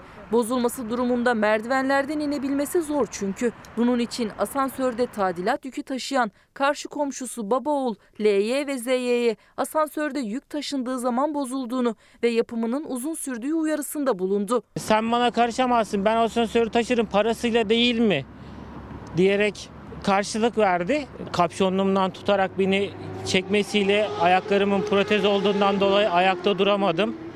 Ee, yere kapaklandım. Uyarının karşılığı şiddet oldu Gazi Gökhan Koç'a. Gazi olduğunu söyledi ama iddiaya göre baba ve oğlu dinlemedi. Şiddet devam etti. Gaziyim, engelliyim, e, ekiplerin gelmesini istiyorum dediğimde bana gaziliğine mi güveniyorsun, e, bana mı gazi oldun diyerek e, hakaret etti, tehditler savurdu. Şiddet polislerin gelmesiyle son buldu. Dişleri ve gözlüğü kırılan, vücudunda yaralar oluşan Gazi Gökhan Koç, baba ve oğul hakkında şikayette bulundu. Hak etmiyorum bunları ben. Ve sahnelerden online'a taşınan tiyatro. Belki bahtiyarlık değildir artık. Boynunun borcudur fakat. Düşmana inat. Fazla yaşamak. Şehir sustu. Salgın nedeniyle tiyatrolarda perde kapandı. Oyunlar salonlardan internet ortamına taşındı. Ünlü oyuncu Yurdaer Okur'un Nazım Hikmet'in şiir ve mektuplarından sahneye uyarladığı Ran isimli eseri de artık dijital gösterimde. Bugün beni ilk defa güneşe çıkardılar. Çocuklar ölebilir yarın. Çocuklar sakallı askerler gibi ölebilir yarın. Pandemi koşullarından ötürü tiyatromuz yaklaşık bir yıldır kapalı. Sıran oyununu bu kez kameralara oynadık sizler için. Koronavirüs nedeniyle seyirciler salonları dolduramıyor. Tiyatrocular artık online sergiliyor oyunlarını. Randa onlardan biri. Nazım Hikmet'in 119. doğum günü anısına hazırlanan tek kişilik oyunda Yurdaer Okur sahnede. Acıklı hikayelerdeki yalmayak, karlı yollara düşmüş yetim bir çocuk gibi bu yürek. Yaşamak ne güzel şey diyecekler. Sıçradık, şimşekli rüzgara bindik. Artık e, tiyatroya gitmek e, çok daha kolay hale geldi. E, dijital dünya sayesinde. Biz de ayak uydurmaya çalışıyoruz. 2017'den bu yana turnelerle seyircisiyle yüz yüze buluşturan, 15 Ocak'tan bu yana tiyatro severler istedikleri gün ve saatte internet üzerinden izleyebiliyor. Herkesi oyunumuza bekliyoruz. Rüzgara bindik. Kayalardan kayalarla kopan kartallar çırpıyor ışıkta yıldızlanan kanatlarını. Alev bilekli süvariler kamçılıyor şaha kalkan atlarını. Hakkın var. Bir usta Ayşen Guru'da bugün ölüm yıl dönümü saygıyla anıyoruz. Aman da benim hassas kızım. Hadi anlat da beraber ağlayalım. Ha? Hadi. Hala tesirindeyim. Bak şimdi. Kız çocuğu çok seviyor. Çocuk da kızı çok seviyor. Kız da Verem. Ah canım. Verem ha. Verem. Bir türlü açılamıyor çocuğa. Kız güzel mi? Bebek gibi. Tıpkı ben. Tüh olur mu be? Öyle kalkılır mı? Allah kahretsin düzelt, yüksel yüksel. Sakin ol Veciğim. Bunlar da pilot mu be? Bir uçağı doğru dürüst kaldıramıyorlar. Ben koskoca Boeing'i Ankara asfaltına indirdim. Ama kıymetini bilmediler Veciğim. Kovdular seni. Ne çıkar? Baban da iki yıldır seni her istemeye gelişimde kovuyor beni. Babam seni evden kovabilir ama kalbimde asla. Azmin elinden hiçbir şey kurtulamaz Fikret'im. Sonunda seni bana verecek. Mutlaka verecek. Sana inanıyorum Veciğim. İnan Fikret. Sabırla bekliyorum. Günaydın bir kez daha. Çalar Saat hafta sonuna nokta koyacağız ama gelen kitaplar var. Onları da hemen göstereyim istiyorum. Profesör Doktor Övgün Ahmet Ercan Korkma Depremden Korunma Kılavuzu. Gaflet Erdem Atay bizimle paylaşmış olduğu kitap. Deniz aşırı yalnızlık bir Kanada göç hikayesi Yaprak Gürdal'ın yazmış olduğu kitap. Kalpten olsun Kamuran Korku.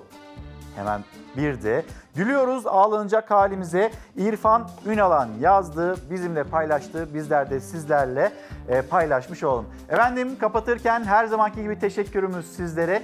Bizi izlediğiniz için çok teşekkür ederiz. Bu arada bir kez daha TUMOP Ziraat Mühendisleri Odası'na ve Sayın Başkanı Baki Remzi Su İçmez'e e, bu ödülü bizlere verdikleri için kendilerine de teşekkürlerimizi iletelim. Yarın sabah saat 8.30'da bir aksilik olmazsa, bir manikeder olmazsa bizler sizlere yine günaydın diyeceğiz. Fox ekranlarından yeni günün notlarını paylaşacağız. Şimdilik hoşçakalın, güzel gün olsun.